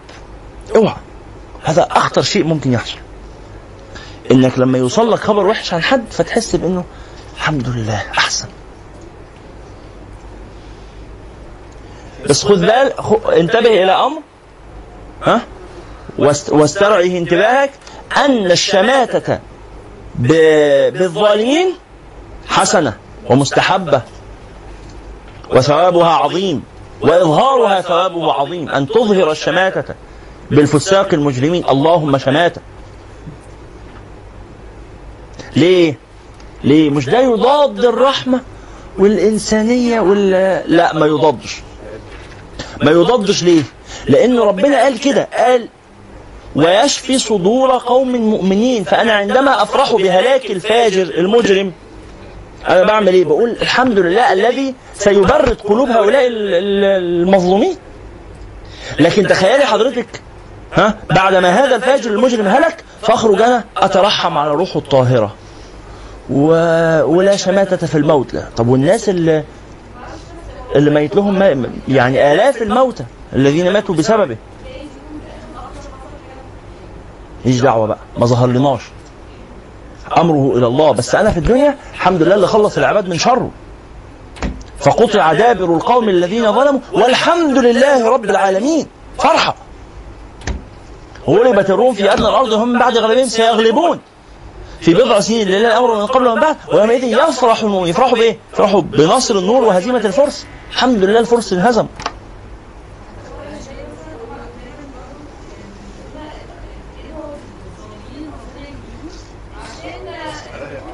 أدعي على الظالم ولا أدعي له؟ منهجين منهجين منهجين كلاهما مقبول. ربنا اطمس على أموالهم. يا رب. وأشدد على قلوبهم. يا رب. فلا يؤمنوا. حتى يروا العذاب الأليم. منهج قرآني. ها؟ منهج الموسوي منهج قرآني. وفي منهج آخر اللهم آه، لا قال لا لعل الله أن يخرج من أصلابهم من يشهد لا اللهم اهد قومي فإنهم لا يعلمون. منهجين. والمنهجين شريفين والمنهجين. وعلى حسب يا جماعة نفوس الناس ما تستحملش. ما تروحيش للمظلوم في عز ما هو مظلوم ويقول ربنا ينتقم منك حرام ليه ندعي على الظالمين؟ ليه؟ مش المفروض ندعي له. إلهي ياخدك أنت كمان معاهم. إلهي يجحمك معاهم في يوم واحد يا بعيد. أنت بتدافع عنهم ليه؟ ما هو طالما بتدافع عنهم يبقى هم يا دافعين لك يا أنت تبع يا في حاجة غلط. فنفوس يا لحظة واحدة نفوس الناس يا جماعة ما تستحملش. راعوا راعوا يعني نفسيات البني آدمين. لحظة واحدة. فهمت يا الشيخ؟ واحد غضبان ومتضايق والتاني ده ظالم ومجرم ومفتري وأنت تروح للمقهور اللي بيصرخ. وتقول له خد بالك صوت صراخك يؤذي أذنه. ما احتمال لما تعامله باللطف واللين يتوقف عن خلقك مش هو بيخنقك؟ مش هو بيعذبك؟ طب ما تبطل تصرخ عشان احتمال لما تبقى لطيف معاه يجيب لك أكل بدل ما هو مجوعك. إيه ده؟ مش هعرف. فهمتوا يا مولانا؟ بسم الله. قال وعليك بالتفريج. قال وإياك والشماتة بأحد من المسلمين وهي أن تفرح بما يتنزل أو بما ينزل به من المصائب. قال عليه الصلاة والسلام لا تظهر الشماتة بأخيك فيعافيه الله ويبتليك. واحذر أن تعير مسلما بذنب وقع فيه فإن من عير مسلما بذنب لم يمت حتى يبتلى بمثل ما عيره به. والله يا أخوانا هذه الأخيرة مجربة. مجربة كثيرا كثيرا كثيرا. من عير أخاه بذنب لم يمت حتى يبتلى بمثل ما عيره به. نسأل الله السلام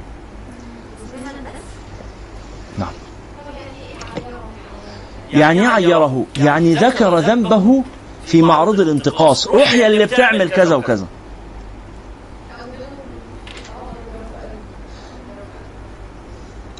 نسأل الله السلامة. لا، ليس ليس هذا هو التعيير يعني بس هذه هذه مصيبة كبيرة جدا لكن ليس هذا هو التعيير. التعيير هو أن تذكر الذنب للآخر بغرض الانتقاص منه. آه إن أنا أقولها له عشان أنقص منزلته وقدره امامي أمامي أو أمام الناس بهذا الذنب نسأل الله السلامة. اللي بيذكر عيوب غيره نمام فاسق مجرم. نعم. على حسب بيذكرها ليه يعني؟ في انهي سياق. في طبعا ستة لا غيبة لهم.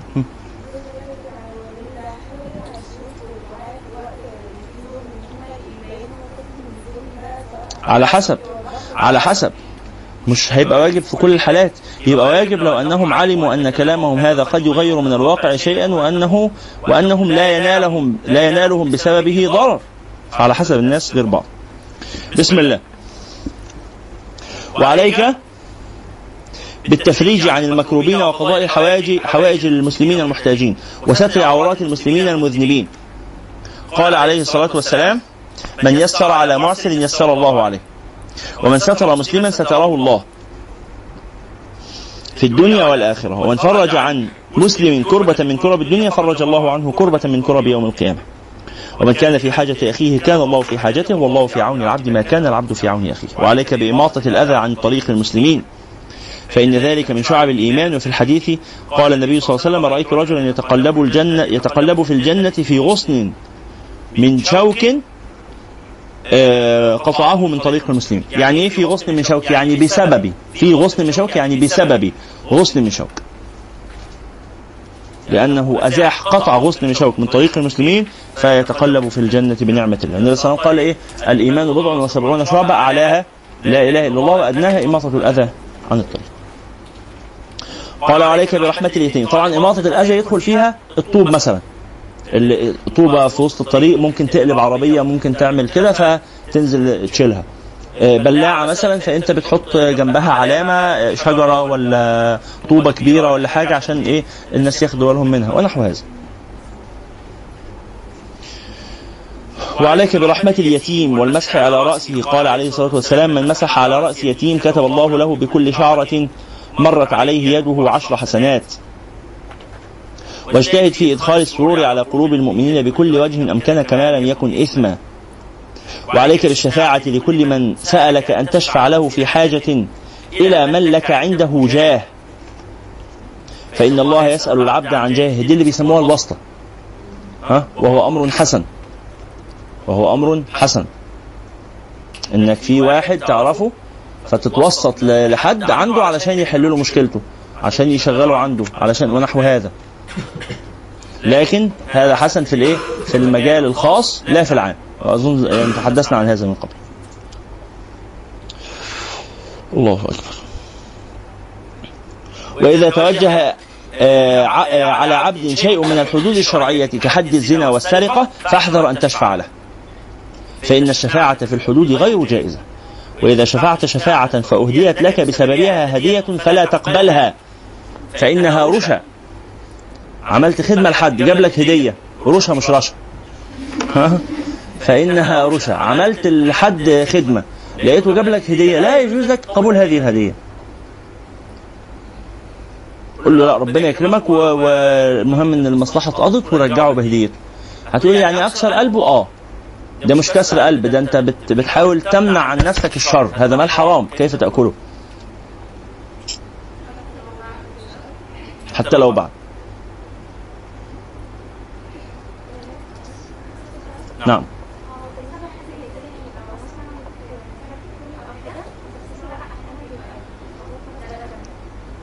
ندفع فلوس اللي يخلصوا لنا.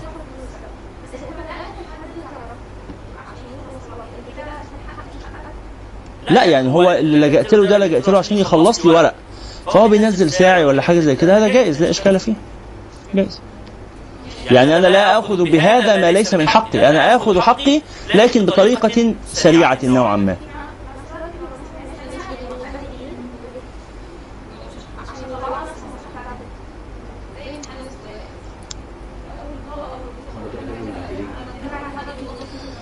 كل هذا جائز ولو عندكم واسطة تخلص لكم الحاجات دي كلها عرفوني عليها. كل هذا جائز ليه؟ كل هذا جائز ليه؟ لأن هؤلاء الذين يقفون في الطوابير لخمس ساعات من أجل تخليص ورقة أو نحوها هؤلاء مظلومون. وإذا يسر الله لكم سبيلا لرفع الظلم عن أنفسكم فلا تقولوا بل لا نرفع الظلم عن أنفسنا ونبقى نظلم مع من يظلمون. فإن هذا ليس من العقل في شيء. فهمتم المعنى؟ ناس مظلومة. يعني سؤال بيجي كتير جدا من الشباب لما يخلص كلية ويبقى داخل جيش فانا عندي واسطة تخرجني من الجيش. أقول له طبعا.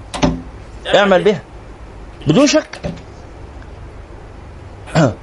آه، طبعا إيه رغم إنه الخدمة في القوات المسلحة ثوابها عظيم وكده لكن هو بيكون عنده مثلا ظرف مرضي أو بيكون بيساعد أو لأي سبب ما يروحش. لا ما يروحش طبعا ما يروحش. سنة لحظة واحدة سنة هتضيع من عمره في الفاضي فيعمل إيه؟ يشوف واسطة تخلص من الموضوع ده.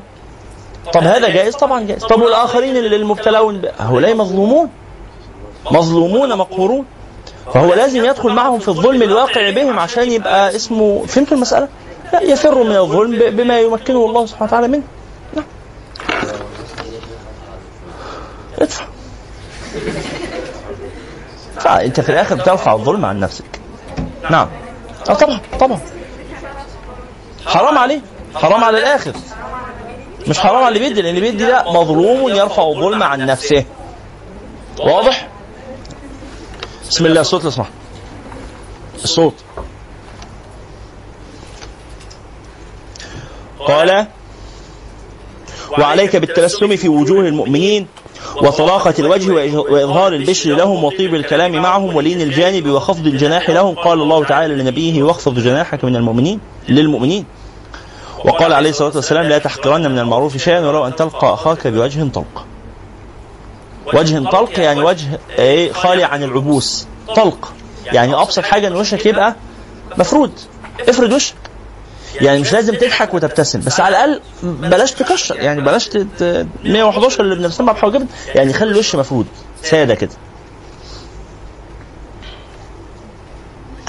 وقال عليه الصلاة والسلام الكلمة الطيبة صدقة ومن المأثور إذا التقى المسلمان فتصافحا قسمت بينهما مائة رحمة تسع وتسعون منها لأكثرهما بشرى. الله أكبر. واحذر أن تهجر مسلما لحظ نفسك. فإن اقتضت المصلحة الدينية هجره فلا تهجره فوق ثلاثة أيام. فقد قال عليه الصلاة والسلام من هجر أخاه فوق ثلاث أدخله الله النار إلا أن يتدخله الله برحمته. ومحل هذا إذا كان الهجر للتأديب. أما إذا كان لإتيانه باطلا أو تركه حقا عشان حدش يقول ده كده مش ده متعارض مع اللي كنا بنقوله المرة اللي فاتت؟ لا مش متعارض أهو بقية الجملة أهو. قال فأما إن إذا كان هذا الهجر بسبب إتيانه باطلا أو تركه حقا فلا آخر له. تفضل تهجره إلى إلا برجوعه إلى الحق. واضح هذا؟ نعم.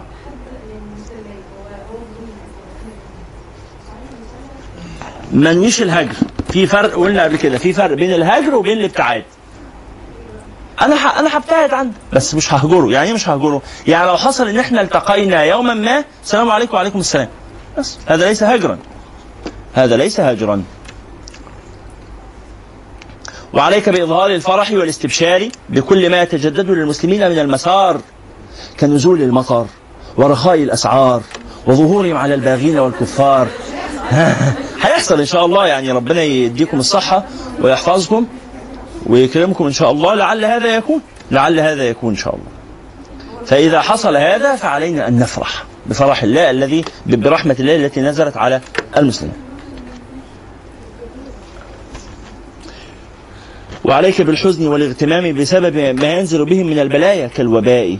والغلاء والفتن وتوجه إلى الله في أن يكشفها عنهم مع التسليم لقضائه وقدره. وقال عليه الصلاة والسلام من لم يهتم بأمر المسلمين فليس منهم.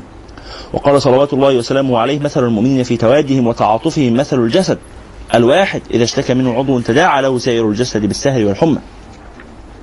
وعليك إذا أسدى إليك مسلم معروفا بقبوله منه وشكره ومكافأته عليه. النبي عليه الصلاة والسلام كان يقبل الهدية ويجزي بها أو ويجازي بها. يعني يعني لما حد كان يجيب له هدية كان يرد له شبه. لما حد كان يجيب له هدية كان يرد له شبه. ولذلك النبي صلى الله عليه وسلم في آخر حياته قال ما من أحد كانت له علينا يد إلا كافأناه بها. ما فيش حد إدانا حاجة إلا ورددنا له مثل ما أعطانا. إلا أبا بكر. فإن له عندنا يد يكافئه الله بها. الفرق إيه؟ الفرق إن أنت عندما تشفع شفاعة تستخدم فيها جاهك ومنزلتك ومكانتك فأنت عندما تقبل الهدية في مقابلها فأنت بذلك قابل للرشوة.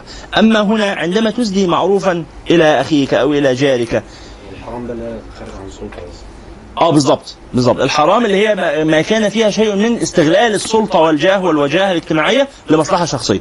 لكن انت ساعدت واحد في حاجة فهو بي- بيكافئك. يقول لك كتر خيرك شكرا. والنبي صلى الله عليه وسلم قال إيه؟ من قال لأخيه جزاك الله خيرا فقد أبلغ في العطاء أو في الجزاء.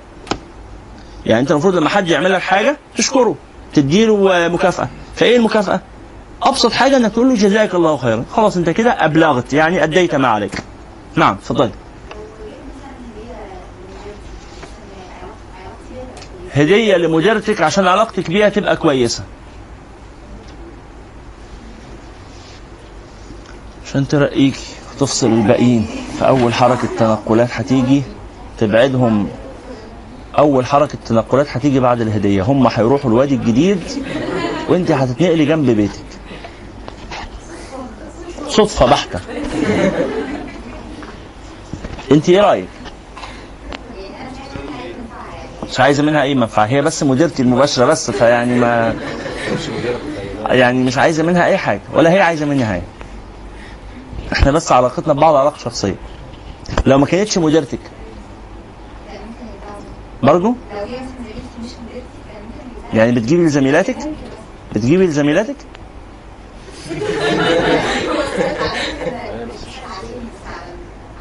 أنا لا أنا بسأل عشانك يعني. قررت تجيبي لمديرتك؟ مفيش مانع هاتي لزميلاتك اعمليه حدث عام وما يبقاش كتير. ويا ريت بقى لو يعني لو أنتوا مبسوطين من المديرة قوي ما تجمعي زميلاتك معاكي وتقدموا هدية مشتركة.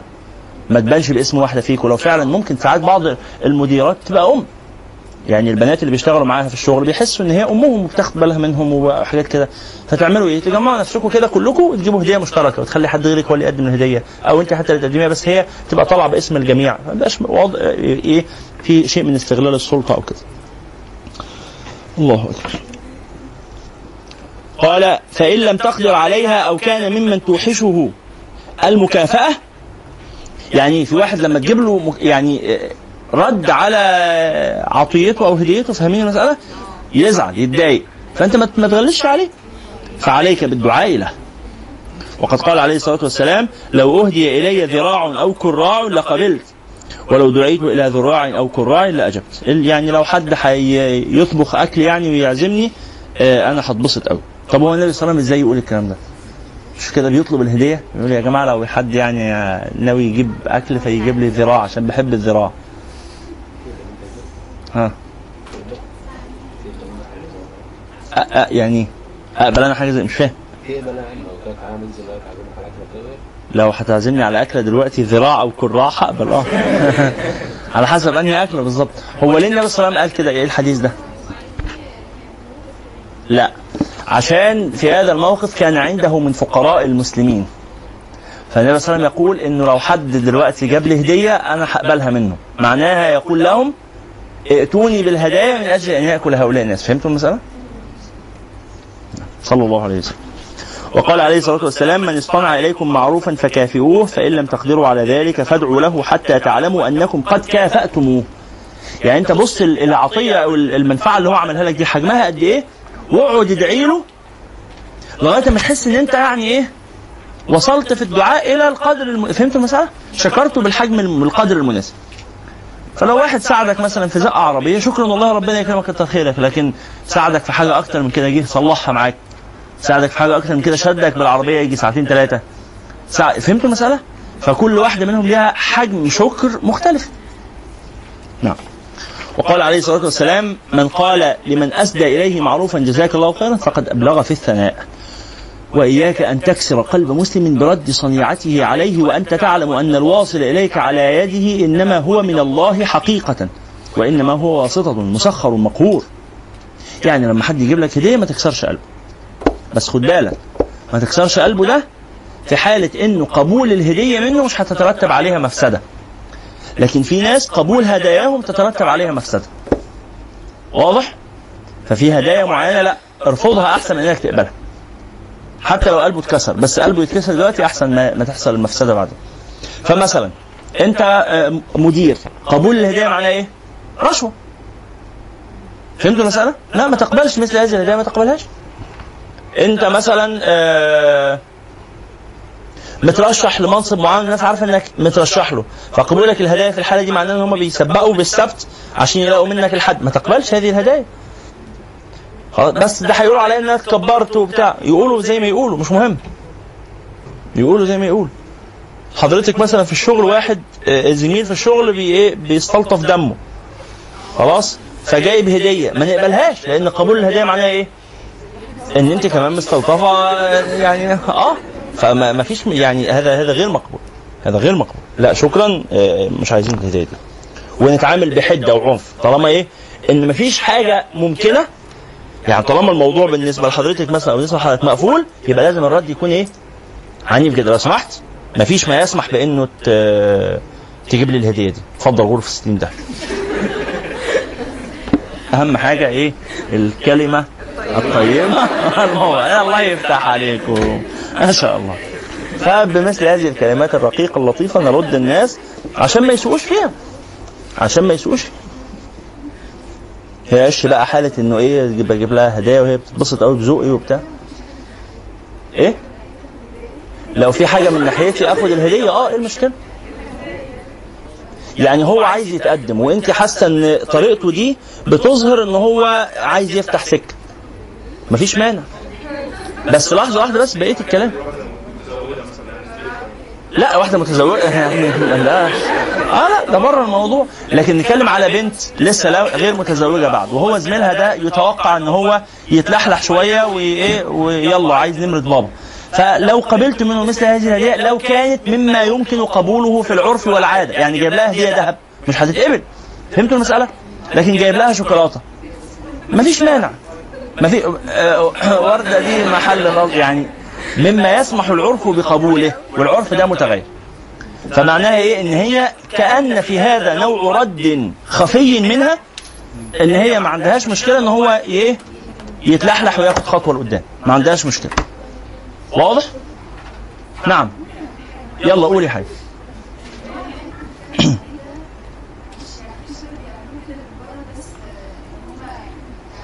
ما هي اختنا بقى الكريمه هتعمل إيه؟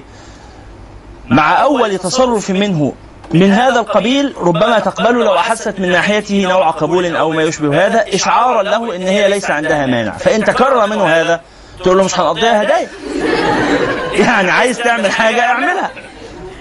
لا لا بالتصريح ولكن خلاص يعني إيه هي هي أنتوا فاهمين المعنى اللي عايز أقوله يا جماعة؟ يعني هي ما تستحلاش الموضوع هي كمان هي ما يتحولش العلاقة بينهم هدايا رايحه وهدايا جاية. إنما نقول أن هذا يمكن قبوله استثناء ها مرة ولا حاجة فيما آه كإشارة مما يسمح بمثله تاني. أنا بأكد. مما يسمح بمثله عادة. لكن عمل حاجة أكثر من المعتاد لا. في خلل. لا نقبل هذا. نعم. تبين له إيه؟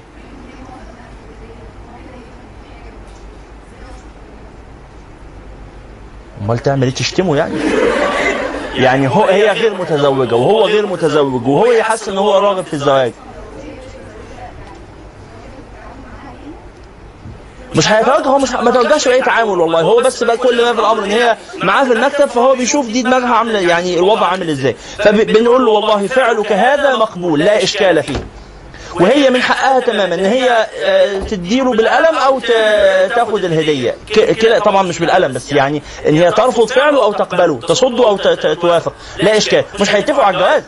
يعني محدش قال إن هم هيرتبوا إجراءات إمتى كاتب الكتاب وهنسكن فين. دي مجرد شوكولاتات. خلاص؟ لحظة واحدة بس. ولو خدت الهديه عشان بتحب الشوكولاتة. لا تبقى تفصل. تنزل تشتري شوكولاتة.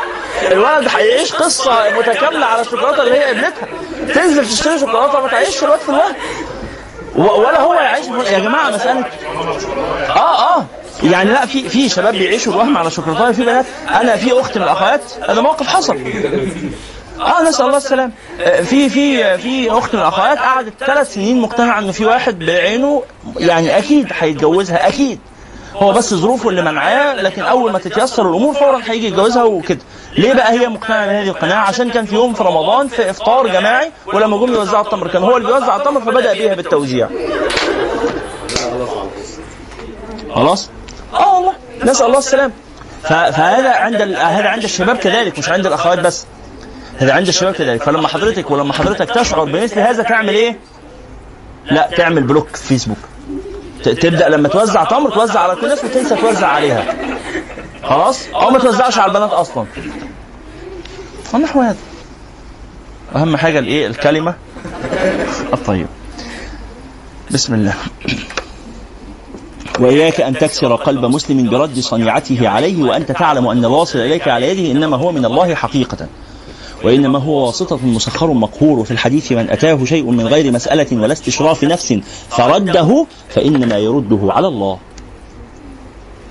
وفي الرد آفة عظيمة. طبعا إحنا قلنا أن هذا ليس على بابه. يا جماعة ال- التوازن؟ وفي الرد آفة عظيمة وهي أن العامة مجبولون على تعظيم من يرد صلاتهم عليهم. فربما كان الحامل لبعض النساك على الرد على عدم قبول الهدية يعني التظاهر بالزهد حرصا منه على حصول المنزلة عندهم. ومنها هنا كان بعض المحققين يأخذ من أيدي الناس ظاهرا ثم يتصدق بها سرا. يعني أنت مش لا تحتاج إلى هذا. اقبلها منه عشان هو يتبسط إن هو جاب لك هدية وأخرجها لوجه الله. الشيخ محمد عبد العزيز آه، من مشايخ أسيوط قرأ على الشيخ عثمان مراد صاحب السلسبيل الشافي كان آه، عنده في البيت كان عامل مدرسة لتعليم القرآن في أسيوط وكان الناس يجوا له يجيبوا له هدايا يعني أموال عشان ينفق منها على طلبة المدرسة وبتاع. فكان لا يلمسها بيده ولكن كان عنده كرتونة كده محطوطة على الباب يقول لهم حطوا في الكرتون. وبعدين يجوا طلبة العلم بقى وهم بيجيبوا الأكل أو بيجهزوا الفطار أو كده يقول لهم يلا خدوا من الكرتونة وروحوا اشتروا لنا بقى من السوق الحاجات اللي إحنا محتاجينها. فهو قابل من الناس بس في نفس الوقت إيه؟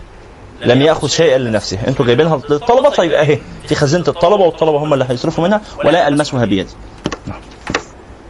وقد يجب رد الرد في مسائل. وقد يندب. في أوقات رد الهدية واجب. وما أحيانا مستحب. منها أن يحمل إليك ما تعلم أو تظن بعلامة ما أنه حرام.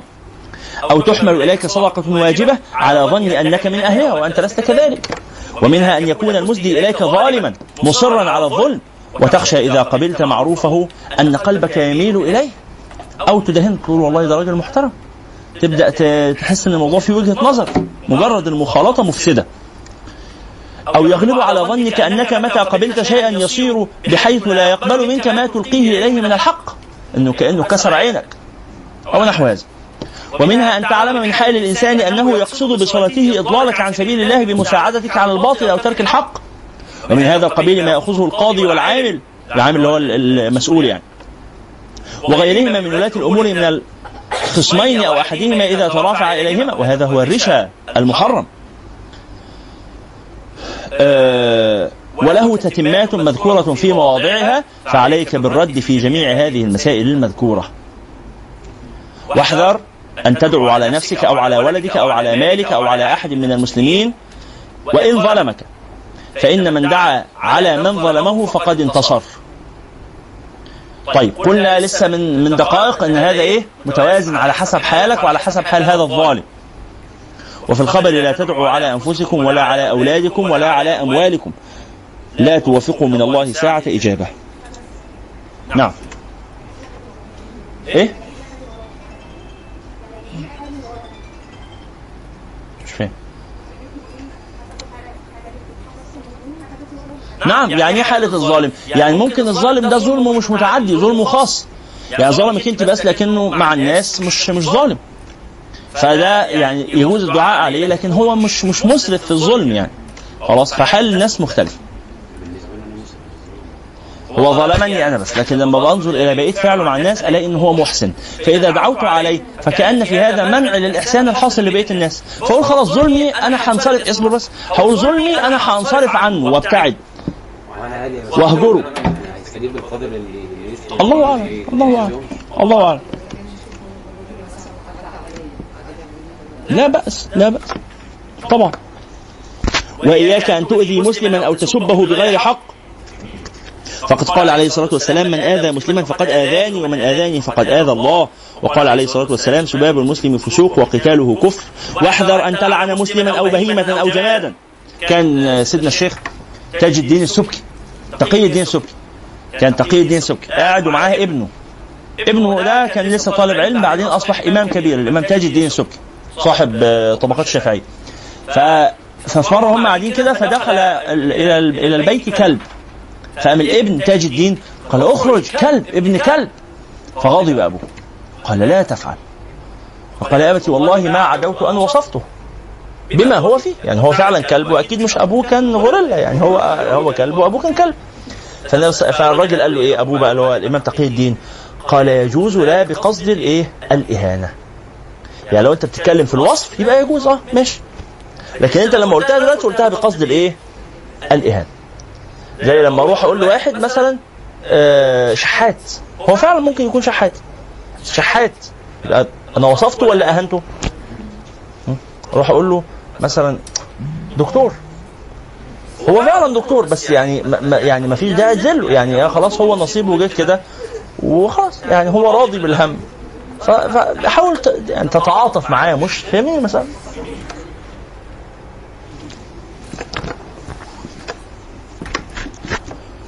الله أكبر. وإن كان واحذر أن تلعن مسلما أو بهيمة أو جمادا أو شخصا بعينه وإن كان كافرا. إلا أن تحققت أنه مات على الكفر. يعني لا تقل لعنه الله. لا تقل لعنه الله لأن اللعن هو الطرد من رحمة الله وما أدراك لعله يسلم. فتدعو عليه لا بأس لكن لا تلعنه. إن علمت أنه مات على الكفر كفرعون وأبي جهل أو علمت أن رحمة الله لا تناله بحيال كإبليس وقد ورد أن اللعنة إذا خرجت من العبد تصعد نحو السماء فتغلق دونها أبوابها ثم تنزل إلى الأرض فتغلق دونها أبوابها ثم تجيء إلى الملعون. فإذا وجدت فيه مساغا وإلا رجعت على قائلها.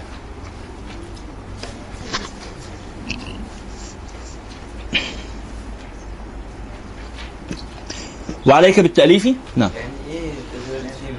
يعني اللعنة أنت أنت وجهت اللعنة إلى إنسان. هل هو ملعون فعلا؟ فتتوجه اللعنة إليه إلى هذا الذي لعنته. فإن وجدت فيه مساغا يعني استحقاقا لقبول اللعن لحقته. فإن كان غير مستحق للعن رجعت إليك. مساغا يعني صلاحية قبولا لأن يكون من الملعونين.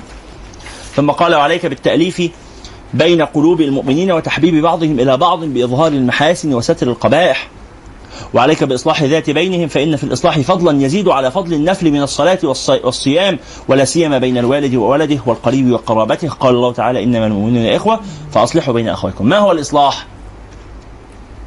ما هو الإصلاح؟ تعريف الإصلاح حد كان معانا في سورة الحجرات؟ فين؟ يلا سارة اتفضلي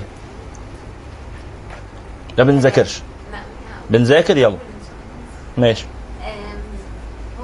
هو البحث البحث البحث عن أسباب الوفاق وتنميتها ها؟ وأسباب الخلاف وإزالتها. هذا هو الإصلاح. الإصلاح هو البحث عن أسباب الوفاق وتنميتها. يبقى الإصلاح في عمل احترازي أصلا. يبقى الإصلاح مش إنك تستنى لما المصيبة تحصل وبعدين تتدخل لا. ممكن تتدخل قبل ما المشكلة تنشأ أصلا. البحث عن أسباب الوفاق وتنميتها. إيه اللي يخلي الناس مبسوطة من بعض؟ نحاول نعمل. البحث عن أسباب الوفاق وتنميتها والبحث عن أسباب الخلاف وإزالتها. أو وإزالتها. نعم. قال وإياك وإفساد ذات البين بالنميمة والغيبة ونحوهما مما يوجب التنافر والتدابر فإن ذلك عند الله تعالى عظيم. أما النميمة فهي أن تنقل كلام إنسان لإنسان تقصد بذلك الإفساد بينهما. وقد قال صلى الله عليه وسلم لا يدخل الجنة نمام. وقال عليه الصلاة والسلام أبغضكم إلى الله تعالى المشاؤون بين الأحبة بالنميمة المفرقون بين الإخوان. وأما الغيبة فهي أن تذكر إنسان الغيبة مش الغيبة ها؟ وأما الغيبة فهي أن تذكر إنسانا في غيبته بما يكرهه. لو كان حاضرا تقصد بذلك تنقيصه. انت عارف ما بيحبش يتقال عليه كده. فبتقول عليه كده ليه؟ مفيش داعي.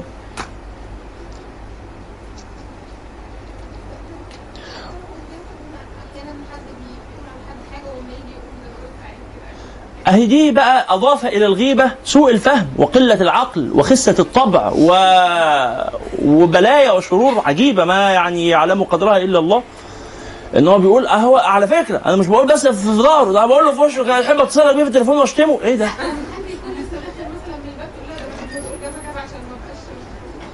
ما هو على حسب. شوف يا جماعة. شوف يعني مثلا بين الرجال من الشائع أن الرجل إذا لقي الرجل ذمه. يا ده أنت ما بتفهمش حاجة ده أنت ما فيكش حاجة عدلة وبتاع. فإذا ما أدبر عنه مدحه. والله الواد ده واد جدع. ومحترم في ما بنعرفش نقول كلام حلو في وش يعني بتحس إن إحنا إيه الكلام الحلو اللي في الوش ده بيجرح المشاعر. ما بنا ما ملناش فيه. ففي وش بعض نفضل إيه نذم بعض. ولما ندبر عن بعض نمدح بعض. النساء العكس تفضل تقول فيها يعني القطط الفطسانة. أول ما حبيبة قلبي وحشاني تقوم واخدها بالحضن بقى لها نص ساعة بتشتمها سبحان الله سبحان الله. خلق الله عجيب. يعني على كل حال على كل حال الإيه؟ ذكرك أخاك بما يكره.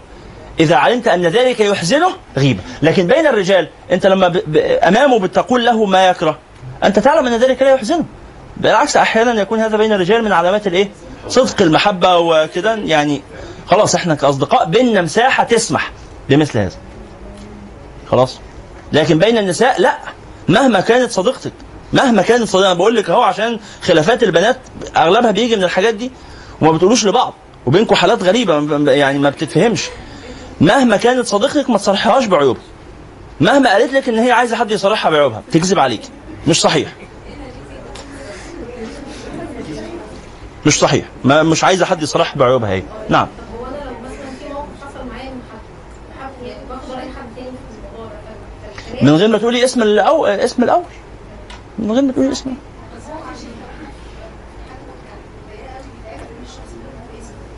أبعد لحلقه بعيدة أروح لحلقة بعيدة ليه؟ أحكي للحلقة القريبة. أنا محتاج مشورة حقيقية. أبعد للحلقه البعيدة. نعم.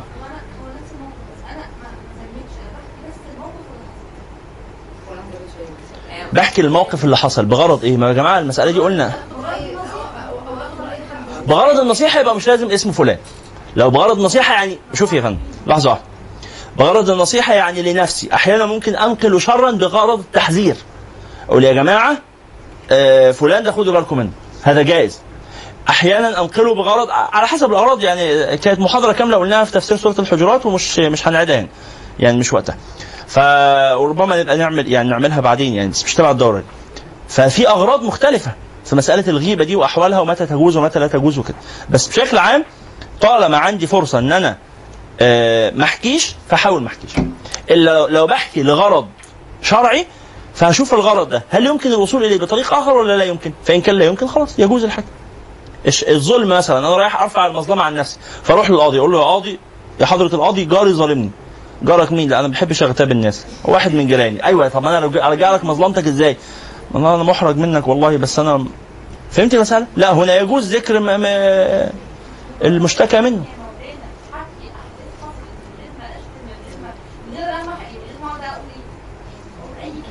حكي أحداث حصلت هدفه إيه؟ غرض الفضفضة من يبقى من غير أسماء. لا يبقى في مفيش داعي.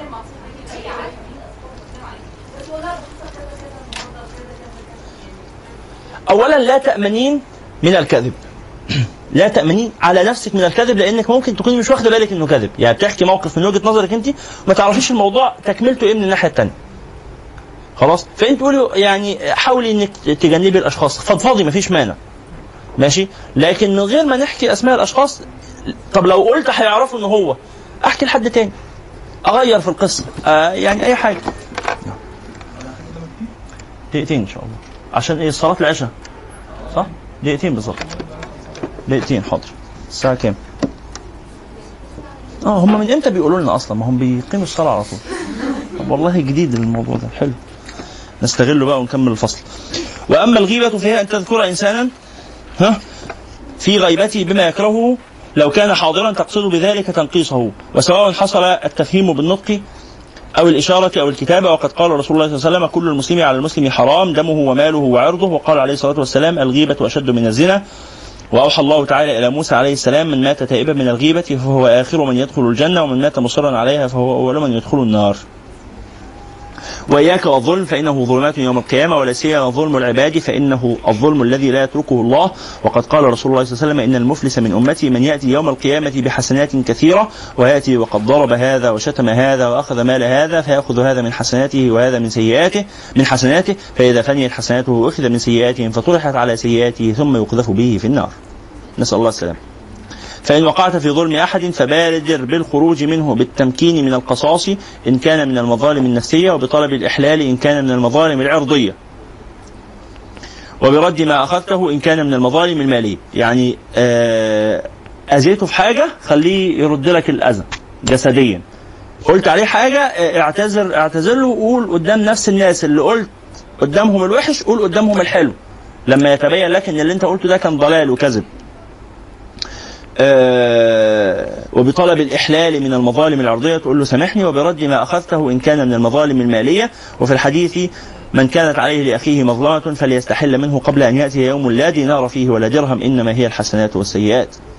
فإذا تعذر عليك رد بعض المظالم حتى لم يكن بحال حتى لم يمكن بحال مش قادر خالص ترد المظلمه مفيش أي طريق فعليك بصدق اللجئ اللجوء أو اللجئ إلى الله تعالى والافتقار والاضطرار في أن يرضى عنك خصمك وبالإكثار من ظلمته من الدعاء والاستغفار وعليك بالذب عن دماء المسلمين وأعراضهم وأموالهم في غيبتهم وحضورهم كما تذب تذب أي تمنع يعني كما تذب عن نفسك في ذلك كله.